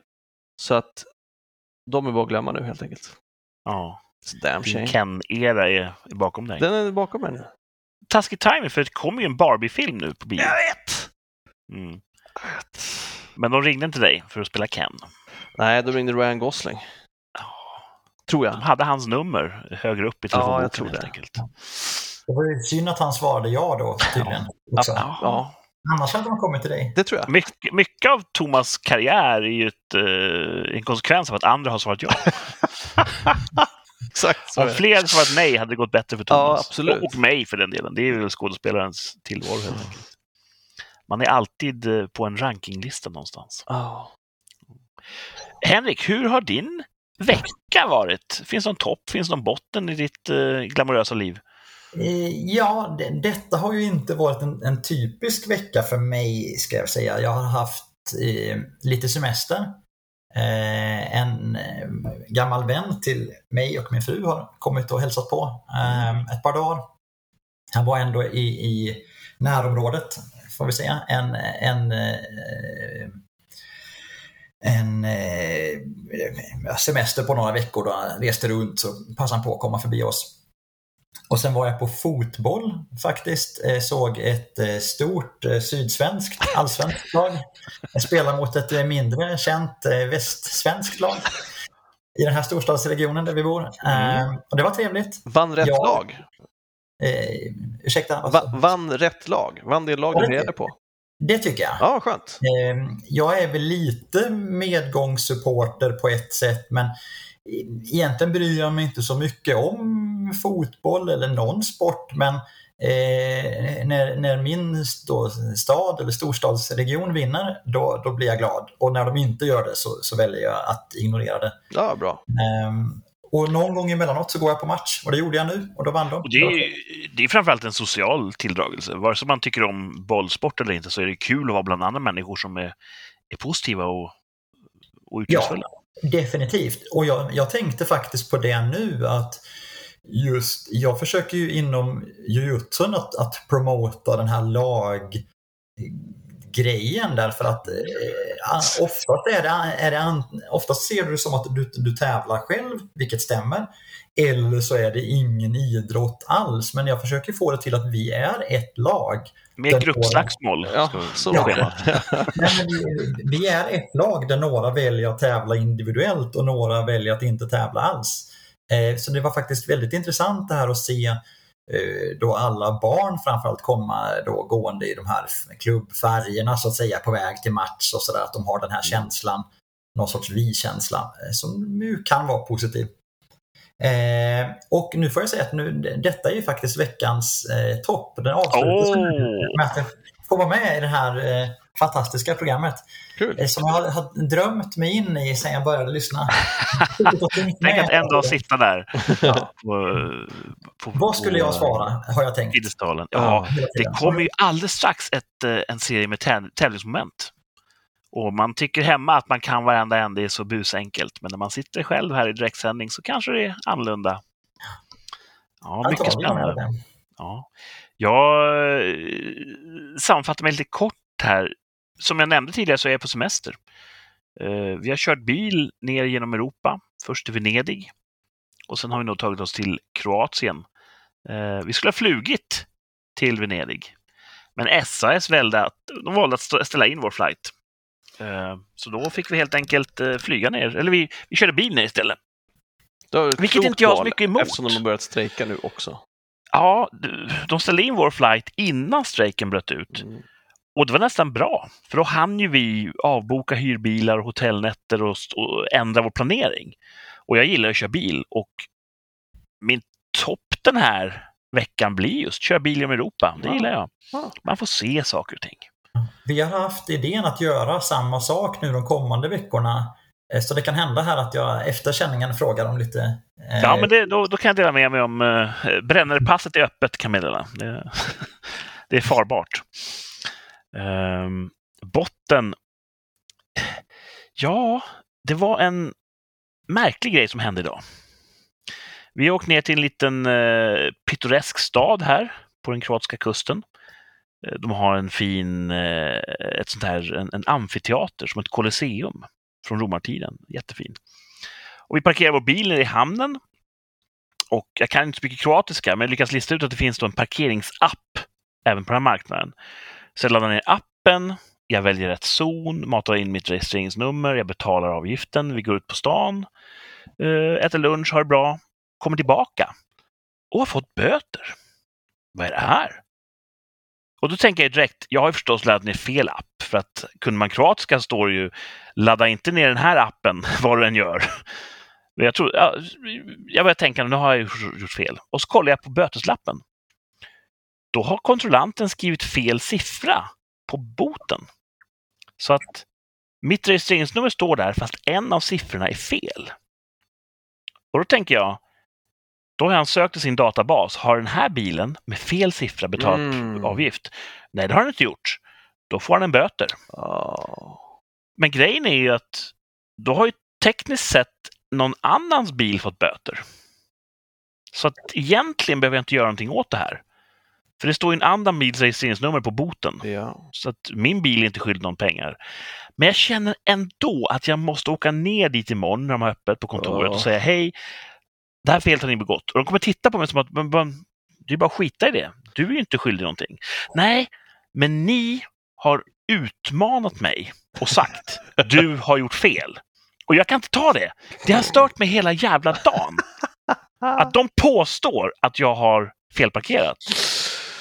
Och nu vill jag att de ska formellt bara, jag, jag skiter i om det här inte får några konsekvenser för mig.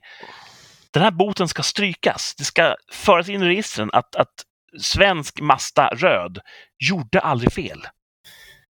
Det, det, det, det har tyngt mig hela dagen. Jag förstår det. Risk, eh, finns det någon risk att du går dit och de inte tror dig, utan de tror att du har skrapat bort och bytt nummer på din nummerplåt under natten för att försöka komma undan en bot och ger, ger dig en ny bot med rätt Nej. registreringsnummer?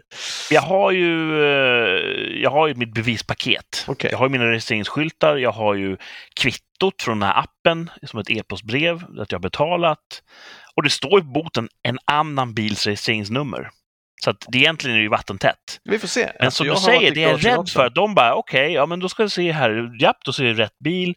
Men det här kvittot, det visar att du har angett fel zon. Så att, ha, du får böter ändå. Ja. Det kommer ju hända garanterat. Ja. Och hade jag bara släppt det här och inte någonsin hört av mig så hade ingenting hänt. Nej. De hade inte kunnat kräva in någon skuld. Alltså det hade ju varit helt vattnet. Men Ja. jag kan inte släppa Ja, det. det ska bli väldigt intressant att höra hur det går imorgon. Ja, jag måste åka ner och... En del av mig vill ju ställa till en scen Mm. och säga... För "Vad- att du är en dramatisk person. Ja, faktiskt. Är det så här ni välkomnar gäster, långväga gäster? Med falska p-böter? Att de älskar säkert svenskar där nere. Och, och känner inte jag att de är erforderligt uh, undfallande i sin, ur, i sin ursäkt, då kommer jag nog vara lite stursk. Ja, ja det kommer de att, nog eh, inte vara, kan jag säga. Överlag har kroaterna varit, varit trevliga, det är ett trevligt folk, men Ja. det här gillar jag inte. Nej. Och en del av mig tänker också att det kanske är en del av ett systematiskt spel de gör. Att de ger massa utländska bilar böter, de skriver medvetet fel på en siffra. För då kan de säga, ja, du har betalt, ja, men det var ett mänskligt, mänsklig faktor. Men de vet att 20 procent, de bara betalar. Mm, Att det är ett sätt att få in extra kosing. Restaurera den här fula jävla amfiteatern som faller i bitar. Jag vet nog vad de håller på med. Så att, uh, nej, det, det blev veckans botten. Ja. Jävla hell... eh, Och den är inte över än. Jag känner mig utmanad! Ja. De har slagit en, en handske i ansiktet på mig och sagt Du, bästa herre, har parkerat fel. Och jag kan inte bara backa undan från det. Nej. Så att eh, Du kanske Mm. får använda några sådana här dödstekniker som Henrik har lärt dig då. jag har inte fått lära mig dödsteknikerna än. Kan man ta några snabba på distans kanske? Jag kan lära, lära dig dem i direktsändning. ja, det hade varit intressant. Eh, ja, I teorin kan jag en flying armbar, men jag tror inte att eh, praktiken uh, ens i närheten av att sitta. Ah, nej, så att det är, det är inte lätt att heta Kurt i dessa dagar. Gud nej. Och det är varmt också. Det är så Skönt. varmt där nere. Jag tycker vi tar och svalkar av oss lite grann här med en poängjakt. Oh. Ja, nu är det dags. Upp till prövning. Martin har inte dykt upp än, men vi har ju två tävlande här. Det är Thomas, eh, inte mot Henrik, utan med Henrik Ja. mot spelet, kan Ja. man säga. Henrik, du har väl en papper och penna där i närheten? Ja, det har jag. Ja, så att du kan... eh, Det är inte det att vi inte tror på dig. Men eh, man gör så, när är man tror att man kan svaret så skriver man ner det och vilken poäng man kliver av på. Och så får man hålla upp sin lapp i slutet då och se att man skrev rätt. För er som lyssnar för första gången, eh, välkomna hit. Poängjakten handlar om fem olika ledtrådar eh, som ska ge samma svar. Och det är fallande poängvärde. Desto senare man knäcker gåtan, desto mindre poäng får man. Den här veckan handlar poängjakten om en dryck. Mm. Mm, det som är så gott. Mm. En dryck. Det kan jag mycket om. Ja, det kan jag tro. Ska vi pröva och köra igång helt enkelt? Ja. Här kommer fempoängsledtråden. Uppfanns i Nederländerna under 1600-talet av läkaren Franciscus Silvius. Mm. Läkare? En eh, läkare som heter Franciscus Silvius. Nederländerna 1600-talet, då uppfanns den här drycken.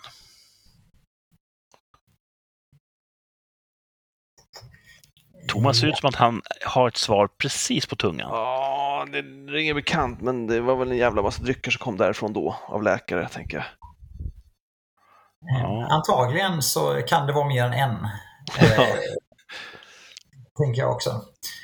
Även om det givetvis avser en specifik som vi borde ta. Ja, vi måste nöja oss med en dryck den här tävlingen. Nej. Det är ju extremt sällsynt att ta det på fem poäng. Det är ju Mm. medvetet svårt gjort. Men är man en riktig, eh, riktig anhängare av den här drycken så kanske man kan det. Är du en riktig anhängare av den här drycken? Eh, jag vet inte varför vi alltid hamnar i det här att vi ska hålla på och ställa massa frågor för att få bonusinformation. Okej, men det är dryck man har det är inte om, så fall. leken är utformad. Okej, men vi, vi, både jag och Henrik känner till drycken. Ni har garanterat hört talas om den. Okej. Och hade Martin varit här hade han också hört talas om den. Okej. Så har vi röjt undan det hindret. Men ska man dra en? Nej, nej, jag väntar. Vad sa du? Förlåt, vad sa du Henrik? Ja, alltså, om inte du känner att du har något så behöver vi nog få fyra poängsledtråden också. Vi tar den. Här kommer fyran. Ursprungssyftet var att behandla njurproblem, gallsten och gikt. Jag inser nu att det kanske inte varit så mycket lättare, men Nej. kul fakta. Ja, jag behöver en till.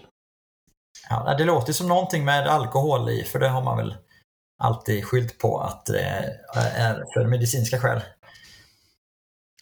Har du någonstans njurproblem, Thomas? Hur vet man det? Eh, Det är väl med pinkeriet, va? Ja, då hade du kunnat dricka den här drycken kanske. Eh, Vi tar tre poängen på en gång, va? Ja. Trepoängsnivån. Det producerades sex gånger så mycket av denna dryck som öl under 1740-talet i England. Så för varje liter Va? öl som producerades så producerades det sex liter av den här drycken. Vilka mängder! Va? Ja. Vad kan det vara? Och varför slutade de? Ja, det finns en förklaring till det. Det kommer ja, jag dra det sen. kan jag tänka mig. Man vill berätta den förklaringen redan nu. Nej, Jag ska tänka att det var brist på något som gjorde att de inte kunde göra öl. Ja, jag behöver ännu mer. Ja, jag, jag känner här nu att jag kanske har varit lite hård. Det var lite svårt den här gången. Det var, men, Hittills har det varit tre stycken fempoängsnivåer. Ja, men två poängen är jättelätt. Ett poängen har ett rim. Ja, det är att, ja, här kommer två poängsnivån. Denna destillerade dryck smaksätts ofta med korianderfrön och bär från mindre än två buskar. Nu är vi lite en slamkrypare här. Jag har ett svar, tror jag. Mm. Men om det är det jag tror så finns det egentligen två olika namn. Lite beroende på, på bakgrunden så eh, får man, eh, ett, får man rätt även för fel. Nej, man får sällan rätt för fel. Ja. Men jag tycker man ska, man ska våga chansa eh, och tro på sig själv. Jag tar tvåpoängsledtråden en gång till för att den är så fantastiskt skriven. Denna destillerade dryck smaksätts ofta med korianderfrön och bär från mindre än två buskar. Ja, eh, Det är en fantastisk ledtråd. jag förstår ledtråden, men det hjälper mig fortfarande inte mellan de här två. Nej, Så nu, nu är frågan, ska man då vara taktisk och chansa på en av dem? Har Thomas Eh, skrivit eller- av? Nej, jag har ingen aning. Mindre än två buskar. Ja, ja eh, vi kör en poängsnivån då. Nej, men kan man få alla ledtrådarna igen? Ja, vi tar från, från början då, en snabbrepris. Uppfanns i Nederländerna under 1600-talet av läkaren Franciscus Silvius. Ursprungssyftet var att behandla njurproblem, gallsten och gikt. Det producerades sex gånger så mycket av denna dryck som öl under 1740-talet i England. Denna destillerade dryck smaksätts ofta med korianderfrön och bär från mindre än två buskar. Det är de ledtrådar vi har. Jag Thomas, Thomas slår ut handen i en uppgiven gest. Henrik verkar chansa, det gillar vi. Uh, Det är, det är typiskt, när du väl får sitta med i direktsändning så är det en helt omöjlig poängjakt. ja, men jag, jag eh, tror att jag har rätt. Eh, därav min, min, eh, att jag har skrivit, men det är fortfarande en, en chansning. Ja, jag, jag- jag kan vara snäll och säga så här att om det finns flera drycker som har den här karaktäristiken så är det den mest kända och Ja. folkkära som vi Ja. pratar om här. Ja, och därför tror jag att, eh, att jag har gissat rätt här. Ja. Det, för det är precis det jag går på. Då får vi se då om eh, Thomas vill ha en ettpoängsnivå. jag behöver ett rim. Ja, då kommer det här i slutet av ledtråden, så håll öronen öppna. Ett poäng. Det smakar enbär, gör sig bra med tonic och rimmar på vinn.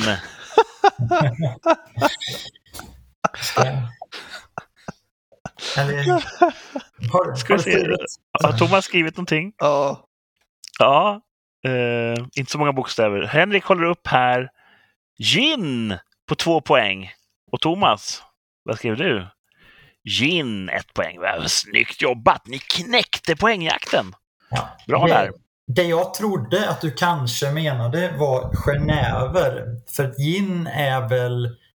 Eh, alltså, blev det inte gin när det kom till England på något vis? Att det började som genever? Det, start, ja, jo, det startade som sagt i, i Nederländerna. Blev väldigt populärt i England. Uh, Genever är en sorts gin som bara får produceras i en region där kring eh, Belgien, Holland, norra Frankrike. Lite grann som champagne, Ja. bara är, Ja, är okej. champagne. Så Genever är mycket riktigt en sorts gin och kanske ligger närmare ursprunget än den ginen vi har idag. Ja, Nej, för det var Det det, började jag... sagt, eh, det var ett, ett medikament, en medicin. Ehm, Det var därför de drack det så mycket i The English Empire. För eh, nej, malarian. Var det inte? det var helt skattefritt att producera gin i England under eh, 1740-talet. Medan det var straffskatt på all annan importerad sprit. Och man hade mängder med dålig korn från dåliga skördar som ändå kunde jäsas och bli till, eh, till gin. Och därav, de här olika omständigheterna gjorde att det då produceras sex gånger så mycket gin under en period. Mm. Ehm, och gin är väl eh, fortfarande väldigt poppis i England tror jag. Det är väl en, någonting man, man både producerar och dricker i mängder. Ja. Definitivt. Eh, Smaksätts oftast med korianderfrön och bär från mindre än två buskar. Vad, ja, vad, genialt. vad, vad, vad är mindre än två buskar? En. Det är en buske. Åh! det påminner om den här gamla Batman-tv-serien. ja, det gör det. Det var en riktig höjdare när det gäller bra ledtrådar. Smaka enbär, precis. Eh, gör så bra med tonic. Då kallas det ju gin och tonic. Mm. Vilket Martin tycker är gott. Och jag. Och du. Och så rimmar det på vin. Det var gin vi sökte. Mycket bra. Det, det jag trodde, eh, eller en anledning till att jag trodde att det kanske skulle vara Genever, det var ju då den, den populärkulturella referensen till Kenneth Ålborg. Jag vet inte om ni känner till det? Jo då. Ja, det, det är ju en, en karaktär för Galenskaparna från en himla många program var det väl. När, han, när Kenneth Ålborg botaniserar bland julspriten. Och då pratar han bland annat om, om genever och det är ju då så bra på något vis vad det nu är. Därför att det rimmar så bra på bäver. och, och därför trodde jag att du skulle ta den som rimmet på ettan. Ja, det hade ju faktiskt varit mycket roligare inser jag nu. Fast jag hade Kenneth Åhlborg är ju en, en klassisk institution tycker jag. Julgrogg, han ska, mumma ska han blanda till där. Ja, mumma och den, den stora julgroggen. Ja, Jag tittar på denna varje jul. det är en fin tradition. måste jag ko- kolla upp. Alltså. Ja, Jag får vill kolla på Karl-Bertil Jonssons jul varje jul och jag missar den varje jul. Men jag tänker mig att, att du, du tittar på den i avsky. Eh, och, Precis. eh, eh, och du, du, blir inte nostalgisk över Karl-Bertil Jonsson utan hans pappa. Ja, precis. Jag, jag håller ju på the bad guys i Karl-Bertil Jonssons jul, precis som i, i Star Wars till viss del. Att, eh, det är ju pappa Tycho som har rätt. Ehm, men Kenneth Åhlborg tror jag vi alla kan sluta upp bakom. Eh, varför inte fortsätta den här succén med lite lokalt kryddad 2 av 3? Ja, Jag är nere i eh, främmande land, i Kroatien närmare bestämt. Så jag har efterforskat här, gått runt och frågat folk på gator och torg och fått lära mig om en del kreativa sätt de dissar turkar på här. asså. Ja. Eh, Så vi ska tävla nu i två av tre regelbundna kroatiska turkdissar. Det förekommer Eh, alltså? Ja, de har, eh, med regelbundenhet så, så dissar de turkar. Det har någonting med historik att göra. Mhm. Ehm, så jag kommer säga tre stycken turkdissar. Som jag påstår kommer från Kroatien. Två gör det. Och en är påhittad. Eller kommer någon annanstans ifrån? Kanske. Se om Mm. ni kan lista ut vad det kan vara. Mm. Är ni beredda? Ja. I juli varje år dansar man med svärd för att påminna om när ottomaner förlorade ett sjöslag. Mm. Här kommer mitt andra påstående.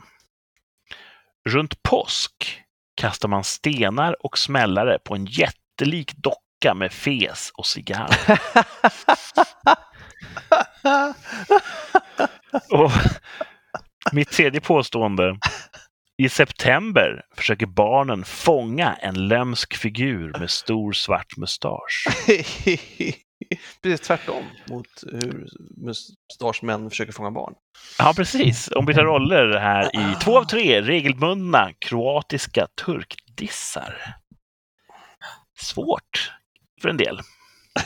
Alla kroater som lyssnar vet ju direkt vad som Ja, är vad rätt och vad som är fel. Vilken härlig, ja vad roligt. Jag känner att jag vet inte direkt. Eh, vilket Nej. Eh, däremot tror jag att, att nummer två är, är den som låter mest påhittad av dig. Fes, cigarr, stenar och smällare. Ja, Ja. jag håller Ja. med. Men jag vill så gärna att den ska vara sann. Så att, eh, Det hade varit det en låter så trevlig, himla roligt. Eh, en trevlig tradition. Eh, Det är, låter riktigt som Borats tradition. Eh, Men jag säger att ettan ska Ja, bort. faktiskt. Va? Ettan ska bort. Svärdsdansen. Ja, Ja. det är inte så man sänker skepp. Eh, intressant perspektiv. Ja. Så tänker jag, att de, de, de skulle ha hyllat det, det minnet på ett annat sätt än med en svärdsdans. Mm. Jag vill ju inte eh, hindra dig från att eh, rösta bort det, så att säga, det, det du tycker och det är kanske bara bra att vi fördelar våra risker men eh, jag väljer inte den för att svärdsdans är väl någonting som man har haft i olika kulturer. Eh, Absolut. det låter ju rimligt och ottomanerna var ju väl där naturligtvis. De var var ju på många ställen i Europa. Så att, eh, eh, dessutom så tänker jag att Kurt skulle aldrig ha hittat på svärdsdans. Det, det, det är för normalt. Och, eh, Ja, jag har, du, du, du tänker helt rätt. Helt rätt. Men Thomas har varit med förr. Det kan ju vara en trippelbluff, vara- eller till och med en fyrdubbel bluff Ja, kan hur ibland. många bluffar som helst. Jag tänker också, svärdsdans är mer turkisk. Gissar jag. Alltså Mm. rent spontant känner jag att det är en turkisk tradition att ha svärdsdans. Inte så mycket De kanske kroatisk, dissar kroater med, med en svärdsdans. Men, men eh, min magkänsla säger att så här borde det vara, men mitt intellekt vill ju byta direkt och säga som du Henrik. ja, men Välj det, då. kanske bara, det är kanske bara bra att vi eh, Ja, det är bra. Förnuft eller är känsla? olika. Mm. Eh, Men vad sa du, vilken, vilken... Du tog bort smällarna och stenarna, eller? Ja, det är Ja. fesen och eh, Ja. stenarna. ja. Mm. Ja, det låter så jävla påhittat. Ja. Ska Ska vi... Jag till och med glöm, har glömt den tredje nu. Tredje var, Det det var den här roliga, i september försöker barnen fånga en lömsk figur med stor svart Ja, mustasch. det låter ju också. Ja, Ja. Ska, vi, ska vi låsa fast det här? ja, ja, ja. Mm. Eh, Martin har inte dykt upp än, kan jag berätta för lyssnarna som sitter och väntar. Han kan komma när som helst. Ja. Men det verkar som att han missar då att, att vela och, och helgardera, som han brukar göra i den här leken. Ehm, Thomas tror att i juli varje år dansar man med svärd för att påminna om när ottomaner förlorade sjöslag. Det är falskt, ska bort. Henrik tror att man ska ta bort runt påsk kastar man stenar och smällare på en jättelik docka med fes och cigarr. Och ni tror bägge två att man i september försöker eh, som barn fånga en lömsk figur med stor svart mustasch. Det är så skönt att Mm. en av dem är sann. Precis, nu har ni spridit riskerna så att en av er kan få rätt, en av er kan få fel. Vi kan börja med en som har fel. Det är faktiskt så att man runt påsk kastar stenar och smällare på en jättelik docka med fes och cigarr. Den är upphissad jättehögt i luften och så sänks den sakta ner medan den bombarderas med stenar och smällare. Är det, som en, är, det, är det godis i som det är på en sån här... Nej, jag tror bara det är, det är rent uttryck för hat och, Och, och aggression. det slutar med att den brinner upp då i så här, och sånt där. Antar det att den, den förstörs i slutändan. Fantastisk tradition. Det var ju typiskt. Eh, så Problematisk tyvärr, tradition Henrik, tror jag skulle kalla det här hemma. en annan tradition som faktiskt finns, det är att man i juli varje år dansar med svärd. Ah. För att påminna om när ottomaner förlorade ett sjöslag. Mm. Det var det heliga romerska riket som kom seglande och mötte då ottomanska eh, flottan som var på väg ut. Det var på den här tiden när man slogs med, med såna här roddfartyg, alltså stora galjoner. Och då kan jag tänka mig att det varit mycket svärdsslagsmål. Man kunde ju piska varandra med årorna bara så mycket. Sen var det ju svärden som fick ta över. Mm. Det var inga kanoner och krut på den tiden. Men då åkte ottomanerna på däng. Deras flotta vart hårt decimerad. Och det här firar man då, eh, högtidlighåller minnet med en svärdsdans. Man klär också ut sig till mårer, vissa personer, då, för att eh, ska symbolisera eh, ottomanerna. Ehm, blackface kanske? Jag vet inte. Jag vet inte. Eh, jag tror inte det finns ett ord på kroatiska för hets mot folkgrupp. Antagligen inte. Det som är påhittat är ju att man i september försöker fånga en lömsk figur med stor svart mustasch. Det hade jag hittat på. Ändå, Så det var in- ingen poäng tyvärr. Nej, men inte långt ifrån eh, påsktraditionen här, vilket är lite kul. Att Ja, lite du hämtade inspiration från den, tänker jag. Ja. Det är ofta så jag jobbar. Jag försöker Mm. ligga nära sanningen, men på rätt sida. Eller på fel sida, hur man ser det. Ja, Ja, men väl tävlat. Ni Ja, hade ju väldigt kul. intressant resonemang. kul tema. Och det här är omöjligt att veta om man inte är kroat Mm. och lite, lite rasist. Hen- Henrik hade ändå rätt i det där att uh, svärden... Du gav mig Ja. chansen. Att bara, här, Ja, Precis. Ingen av er prickade vad som var fel, men Henrik prickade in vad som var rätt. Ja. Vilket är kanske värt ett tröstpoäng. Precis. ja det vill Inte- jag gärna inte- ha nu när jag faktiskt är med. Ja. Inte en ippon, men en tröstpoäng. Definitivt. Eh, Mm. Nu är det så här. Och detta hade inte ni planerat, eh, att jag har faktiskt gjort en eh, poängjakt också. Wow! För jag tänkte att när jag väl är med så vill jag både utsättas av er för en poängjakt och utsätta er för en. Gud vad kul! Vilken härlig överraskning! Jag skiner som en sol här. Och, och jag ville inte säga något först för då kunde ni ju välja att, att bara ha en. Men, men nu Ja. när ni redan har kört, eller Kurt har kört Ja, en, så ja. tänkte jag då kommer ni inte säga nej när jag har en. Nej, men vi kör självklart en roligt. gästpoängjakt. Åh, vad kul! Bra jobbat! Det Ja. hade ju varit ännu roligare om alla hade varit med, men, men vi får ta det på, på er två helt enkelt. Ja. Eh, nu är det så här då att jag, jag är ganska intresserad av bilar, har alltid varit. Och därför har jag ju då gjort eh, poängjakten ett bilmärke. Mm. Åh, Hur mycket vet ni om bilar? Ingenting. ganska mycket. Och då får vi se ifall det, den eh, självsäkerheten avspeglas i, i eh, resultatet så småningom. Här. Eh, vi börjar på fem poäng. Ganska svårt, Oh. men det ska det vara på fem poäng. Spännande. Eh, detta bilmärke startade 1945 och ägs idag av Stellantis. Oj! Känner ni till Stellantis? Nej, jag känner att jag vill ta tillbaka att jag vet mycket om bilar. Jag har talat om Vad fan. 1945. Mm. ja, det är en väldigt bra början i det här fallet. Stellantis. Det finns ju många bilmärken. Detta är lite bonusledtråd kanske. Jag vet inte om det hjälper. Men många bilmärken är från början av 1900-talet. Och sen har ju efterkrigstiden då speglats av en, en del nyare bilmärken så att säga. Eh, Mm. Så känner ni till massa gamla klassiska bilmärken så är det alltså inte ett av dem från tidigt 1900-tal. Utan just, just 1945. Oh, det är, jag är väldigt nyfiken på vad det kan vara. Jag vill, jag vill nog ha en, en ledtråd till. Ja, vad säger Thomas? Behöver också fler Gud ja. eh, på fyra poäng. Nu blir det mycket lättare. Kanske inte tillräckligt, men mycket lättare. Eh, andra ägare genom åren har varit bland annat Kaiser, Renault och Fiat. Har den hoppat runt så jävla mycket? Vadå, alltså? hör du någon på, på G, Kurt? Kaiser, Renault och Fiat. Ja. Oh, vad svårt. Både hos fransmän och italienarna alltså. Ja. Nu sitter många där hemma och tänker att detta är ju jättelätt. Ja. Oh. Ja. Nej, jag, jag, jag passar fortfarande alltså. Jag har ingenting att skriva. Nej, inte jag heller. Fortfarande Det- ingenting. Nej, jag försöker tänka eh, bilmärken jag kan tänka mig har ägts av Fiat. Och det är helt otänkbart att Renault ska ha ägt ett sånt bilmärke. Så att det är det som ställer mig lite grann.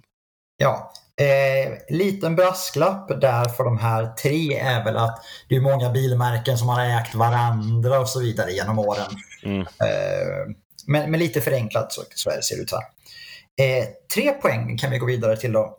Eh, Mm. Nu blir det ännu lättare, kan jag säga. Som det borde bli eh, när man får ett poäng mindre. Eh, det mest kända varumärket i världen efter Coca-Cola. Oj. ehm, Så nu, nu tänker jag mig att det, det finns ju inte så många att välja på längre. Det mest kända varumärket i världen efter Coca-Cola. ett bilmärke. Ja, jag kommer chansa, men eh, jag, har, aj, jag vet inte alls.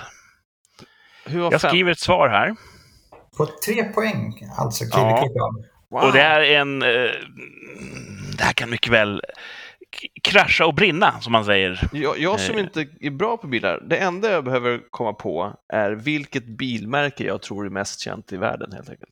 Ja, precis så. Oh, shit. Vad sa du? 45 och Stellantis, det var femmans rakt av. Ja. ja. Och på fyra poäng, andra ägare genom åren har varit bland annat Kaiser, Renault och Fiat. Fast 45, då, nej, då, då faller ju min gissning. Då har jag nog fått fel alltså. Men jag, jag står för det. Du står för det. Då är frågan om jag ska chansa också. eller om jag ska ta en till poäng. Ja, nu kan du ta en till och knäcka mig. Ja. i ämnet jag kan så mycket om. Exakt. Ser det som att ni tävlar mot varandra så kan det ju vara bättre att vänta då möjligtvis. Du kan ju inte få fler poäng än Kurt i alla fall. Det kan vi säga om du gissar nu. Nej, precis. Även om ni båda skulle ha rätt skulle ni få samma. Eh, Okej, då går vi till två poäng. Nu blir det väldigt lätt. Eh, några kända modeller genom åren har varit Wrangler och Cherokee. Äh, men åh, vad lätt. Ja, det hade det varit om man hade vetat. Ja, det, och nu faller ju allt på plats, självklart. Var det den du Ja. hade gissat på då, Kurt? Nej. Jag är så jävla off så att jag skäms, men nu är det ju uppenbart. Ja. Ehm, Och nu känns ju vissa andra... En annan ledtråd känns också väldigt, väldigt eh, uppenbar nu. ja. Fempoängen har passar in perfekt. lite- Ja. Mm. Åh, jag känner ju till både Rang och Cherokee. Och jag bara får inte till det där ordet innan precis. Så jag behöver ta en till. Eh, ja, det, så det blir ju extremt lätt på ett poäng kan vi säga. Vi får Eh, väl se, rimmar det? Ja, det gör det. Eh, eh, ett poäng. Rimmar på sleep. Genialt! Ja, jag har den här. Thomas har ett svar Ja. på ett poäng. Ja. Min, min gissning rimmar inte på slip kan jag säga. Jag håller upp min telefon här. eh. Ja, Thomas har gissat på Jeep på ett poäng och det är ju faktiskt helt rätt. Yes! Eh, Kurt, eh, Mercedes på tre poäng var inte rätt. Jag tog den enbart på att jag tänkte, vilket är det mest kända bilvarumärket i världen? Då tänkte jag på den här stjärnan. Ja, Men det, eh, sen slog det mig direkt att 1945 är alldeles för sent för Mercedes. så är det. Det var mycket äldre. Och det Ja. var ju lite min bonusledtråd. Att det finns ju många gamla klassiska märken eh, då från Ja. tidigt 1900-tal eller till och med slutet på 1800-talet. Det jag trodde att ni skulle gissa på Jag var inne på jag var inne på mest kända, mest kända bilmärke där. Då var jag inne på Porsche eller Ferrari. Ja. Jag trodde att ni kanske på tre poäng skulle gissa på Ferrari och Ferrari har ägts av Fiat. Mm. Så kände ni bara till det så hade det kunnat vara rimligt. Dessutom så är det från samma tid. Eh, Ferrari är från jag tror jag 39 eller något sånt, alltså som eh, har jag för mig varumärket fanns. Ehm, Och Jeep, eh, Jeep, den första Jeepen var väl en, en eh, tillverkad på militärkontrakt. Så att 45, krigsslutet, är väl ganska logiskt att man då börjar tillverka civila bilar. Ja, precis så var det. Att man, det var alltså en, en tävling för att få kontrakt med den, eh, det amerikanska, eller det amerikanska försvaret eh, under andra världskriget. Och då vann, tror jag, om jag vill minnas rätt, en firma som hette Willys. Och de är Mm. kända som Willys Jeep har de ju kallats i Sverige. Så, det Willys Overland fanns det och så vidare. Eh, Ford var också med i tävlingen. Och Ford är ju också ett eh, ganska känt varumärke, men också äldre då. Och, eh, Ford vann inte, utan Willys vann. Men Ford fick tillverka jeeparna på licens ändå därför att eh, man behövde tillverka så många.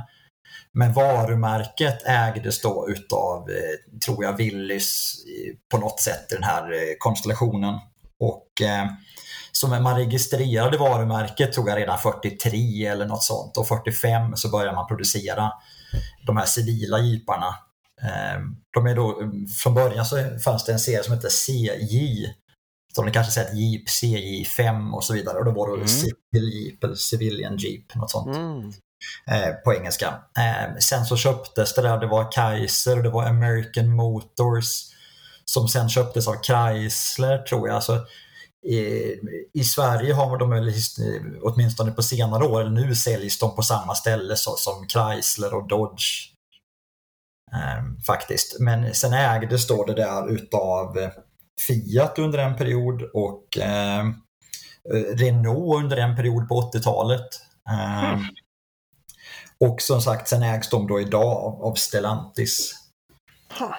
Så eh, det, var, det var- det var kul att eh, ni inte tog det på fem. För det hade ju... Vi- eh, Vilken härlig eh, bonuspoängjakt. Ja, det var kul att få poäng. eh, Tackar och bockar. Mycket trevligt. Ja, Eh, och, Det- det... men, det, men det var kul att ni tog det på någon poäng då, eh, Thomas. någon av oss. Thomas är nu eh, vår eh, innevarande bilmästare Yes. i rikssamtal. Ja. Fantastiskt. Jag är ganska säker på att Henrik inte har en egen tvärsäker tillbakablick. Eller har du noterat vad, vad du var tvärsäker om för ett år sedan? Eh, nej, men jag kommer kanske ihåg det nu när du kommer berätta Ja, det kanske, du kanske hade en åsikt faktiskt om, vårt, om vår tvärsäkerhet. Eh, För ett år sedan så var det fortfarande då det här försenade fotbolls-EMet. Och eh, vi uttalar oss tvärsäkert. Kommer England vinna EM? Det var vad vi sa ja eller nej om. Och eh, kommer du ihåg hur det gick? Jag tror att de inte gjorde det. Thomas, vad tror du? Ja, jag tror också det, men jag kommer inte på vilka som gjorde det. Italien vann på straffar. just Mot. Det var, det, jag tror att England var så himla... De kände att nu är det vår tur, Ja. äntligen. Det här är laget som äntligen kommer vinna ett stort mästerskap igen för England. Och så föll de på mållinjen på straffar Ja, och det var så tråkigt för dem. Men italienarna var ju glada. Ja, så att, äh, de, det blev eh, nej på frågan, kommer England vinna EM? Ja. Kommer du ihåg vad du hade svarat för ett år sedan, Henrik, om du hade behövt uttala det tvärsäkert? Jag, jag lyssnade ju på avsnittet då och jag tror tyvärr att jag svarade eh, att- jag svarade nej, eh, vilket ju i så fall skulle betyda att jag vann. Eh, För jag hejade på England och ville definitivt att de skulle vinna. Eh, För jag tyckte just att de, de kunde förtjäna det. Och de hade väl slagit Danmark där innan va? Som jag Mm. också hejade på. Så då hade, hade det sett bättre ut för Danmark om Mm. England hade Ja, just det. Eh, Eh, I så fall så fick du rätt. ja, jag tror det. Och det är skönt att man utan någon som helst kontroll kan hävda det. Och bara... det, det är en bra position. Vi är ju dokumenterade i tid och rum, så att man kan ju se vad vi svarade. Jag sa nej för ett år sedan. Boom! Martin sa också nej. Mr. Rights. Bra jobbat Martin, var du än är där ute i, i landet. Thomas sa ja. Oh no. Ah. Jag tror att... Höll du på England, Thomas, eller höll du på Italien? England. Du höll på England. För du brukar annars vara en sån här jinxfarbror. Att du, du, du säger tvärtom, för att då Nej. kan inte gudarna komma åt dig. Ja, det kanske jag gör. Mm. Ja. Mm. Nej, osis. Just där hade du fel. Pinsamt. Framförallt var det ju synd tycker jag då att, att England faktiskt inte fick vinna. Det är ju Ja. mer synd än, än poängen.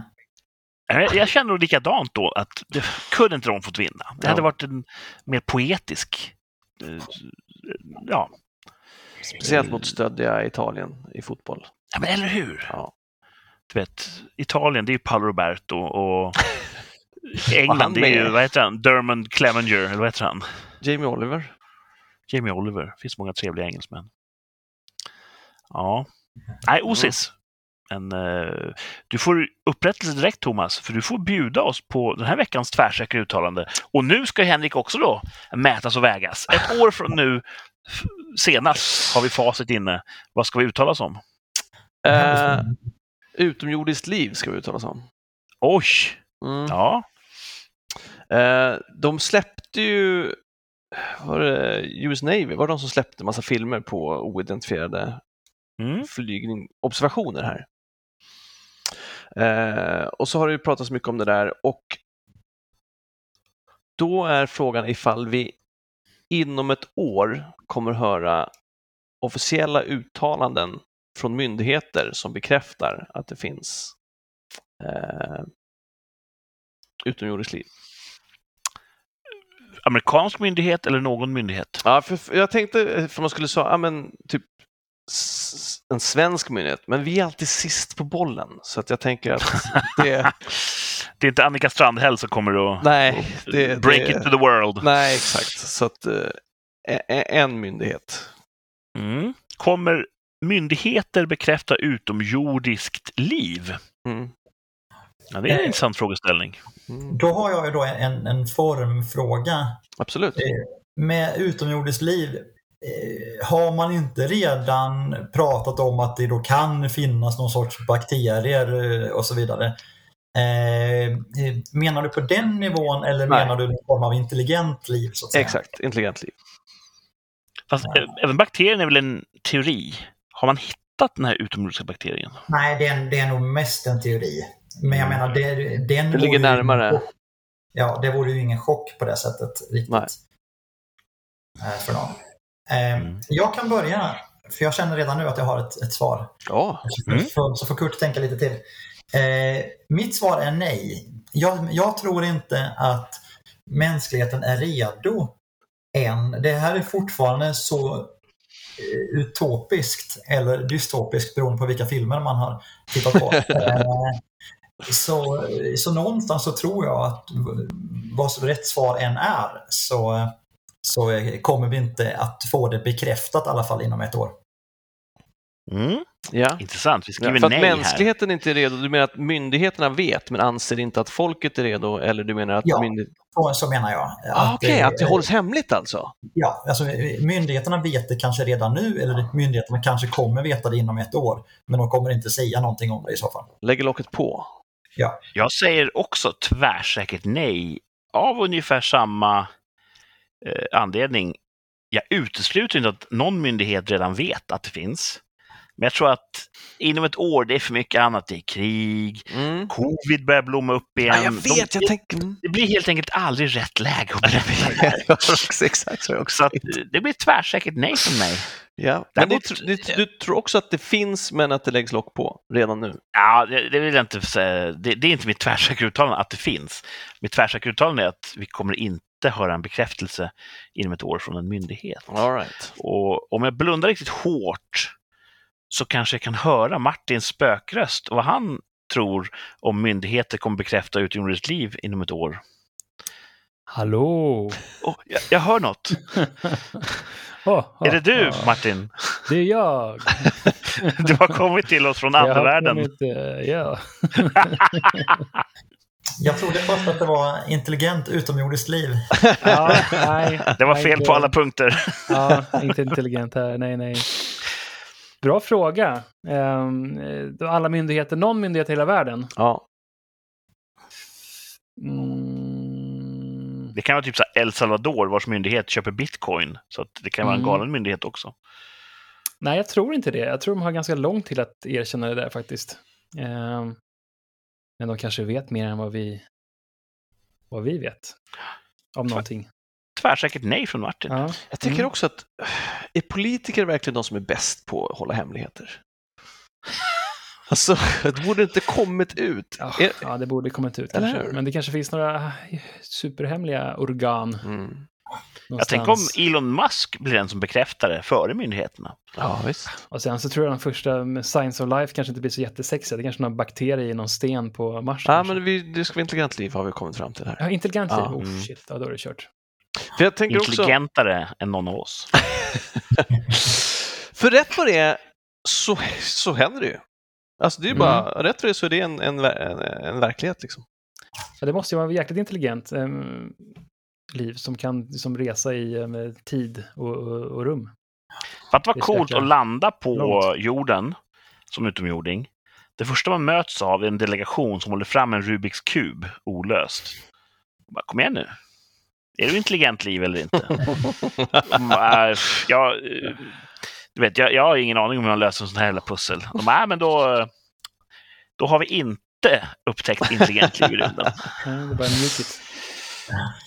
Nej, alltså jag jag, att det är, man är kanske lite färgade av det här med, med Men in Black. Men, men jag tänker mig att det, det kan ju mycket väl vara så redan eller komma att bli så i framtiden att olika former av myndigheter kommer att försöka se till att det hemlighålls. Sen är det också så att eh, vissa människor eh, tror på väldigt eh, eh, jag menar, blir det en stor sensation så kommer det att spridas. Men det sprids ju sensationella nyheter som är påhittade varje dag. som, som tillräckligt många tror på under en kort period i alla fall. Mm. Och vissa, vissa fortsatt. Så att det är nog inte så svårt att hemlighålla det den dagen man, man eh, eh, så, så folk börjar kunna se spår av det om det nu blir så. Utan det, det kräver nog en, ett jättestort rymdfarkost som spränger New York eller något liknande som någon film. Eh, innan folk verkligen ska, ska, ska kunna se det på det sättet att det inte spelar någon roll om myndigheterna försöker hemlighålla det eller inte. Ja. Jag Jag kan tror fatta att att utomjordingar har prestationsångest. Att det är en sån entré de måste göra för att räknas. Jag tror att faktiskt eh, till exempel eh, Socialdemokraterna kanske kommer säga att eh, alla gängskjutningar, det är alltså de eh, försöker tystnadshålla den här informationen. Eh, och det är egentligen inte deras fel. Det är utomjordingarna. Som, eh, det är utomjordingarna som de försöker liksom bara tysta, de, någon som vet i den undre världen om vad som har hänt. Det kommer bli en, kan också bli Jag en förklaringsmodell för allt Mm. dåligt i Sverige. Det är, det är inte vår politik, utan det är ju egentligen Jag utrotning. hoppas att vi har en sån plan ständigt i bakfickan när vi skickar sonder och till slut människor till Mars. Att om det är så när vi kommer dit och upptäcker strax för landning, fan det finns liv på Mars. Att vi då har medel att direkt det första vi gör spränga deras viktigaste byggnad. Så vi sätter oss i respekt det första vi gör. Ja. Det, det hoppas jag. Ja. Du tror inte på att samtala och medla? Och... jag. Jag vet bara vad jag har lärt mig av Hollywood. Ja, det Det börjar alltid med att de spränger en viktig byggnad. Ja. Ja. Mm. Thomas, vad tror du? Jag säger också nej, det är för kort. Jag har ju, mina tvärsäkra är ju ofta på en längre tidshorisont än ett år. Ja, Så att jag får ju också säga nej då. det blir nej. Du tror kanske där att livet har inte hittat hit eller att de inte är redo att släppa På det? Henriks linje, de är redan här. Ja. ja, det blir fyra stycken nej. Nej, nej, nej, nej. Pinsamt om vi har fel nu. Rikssamtalets nej är alltid ett nej. Om vi inte har Det vore kanske fel. Typ, om vi har eh, fel the så. icing on the cake om vi får sån här Independence Day-invasion av utomjordingar som spränger städer i luften. Bara för att nu, covid, krig. Ja, just exakt. det. Och sen, jag har tänkt faktiskt det på det förut. Jag har tänkt på det. Det sista vi behöver nu det är en alien invasion. Det, det, mest, Återkommande mardröm jag har faktiskt. det mest ironiska är om det händer typ i, i början på juli 2023 så att vi därför också får fel. Kom igen. De har åkt genom hela universum. Kan de inte bara precis. hålla... Vet, sänk farten lite grann och kom fram en vecka senare. Åh, min eviga Ja, men just tur. det. Vi har den där sju års olycka. Ett år. Ja, men jag säger, jag ändrar mitt till ja då. Bra Henrik. Ja, okej. Det blir ja från Thomas. Ja. Tvärsäkert ja. Inget är så tvärsäkert som först säga nej och sen säga ja. Men re, eh, reglerna tillåter det. Mm. Att, Men eh, nu hoppas jag att du är medveten om Thomas att eh, blir det nu den här innovationen så är det ju alltså du som har jinxat det. Jag tänker tvärtom nu när jag säger ja. ah. Nu kan alltså de inte komma in. fel. De, de vill inte, de, nej, det, nej, nej, nej. Det, det är bara, de, de, aliens vill inte ge mig rätt, så att de kommer, eller, eller myndigheterna, eller universum. Så att, eh, Och är det så att 51 veckor från idag så är Thomas den sista överlevande människan precis på väg att bli skjuten av någon sån alien-skott i pannan och Thomas bara Yes! Jag fick en poäng i tvärsäkert uttalande. Ja, det är bra. Men då blir Thomas också vald till eh, de här eh, eh, alienernas eh, ledare, tror jag. När Oh. han då kan, kan visa att han har tagit ett poäng på just det. Han var den enda som kunde förutse detta. Så Ja, han, han är framtiden. spåman. Är det något de han lyssnar på så mer är det vår typ, podd. ja, men jag tror att eh, mer så här som sexslav tror jag han kan ta dig. Är det snygga ja, aliens? precis. Nu bara ska vi säga vår collection of anal probes. Ja, det är så Mm. när, man utomjordingar kommer, antingen hamnar man i deras zoo, eller så blir man sexslav, eller så experimenterar de på en. Okej. Eller så är man Mm. föda. Det finns många olika spår inom sci-fi. Kommer ihåg Ja. V. Det är inget där man blir deras ledare. Nej, jag tror inte de åker så långt bara för att låta sig Nej. övertalas av någon. Om de har åkt så långt, då är de så pass smarta så de tycker att vi är som en myra. Mm. Eh, så här ligger det till. Min sändningsstudio är också en sovsal. Märkligt hur de har ordnat det här nere i Kroatiens land. Så att eh, vi ska börja ta och sy ihop den här säcken. Ja. Som har pågått väldigt länge. Du har nästan två timmar lite. material här.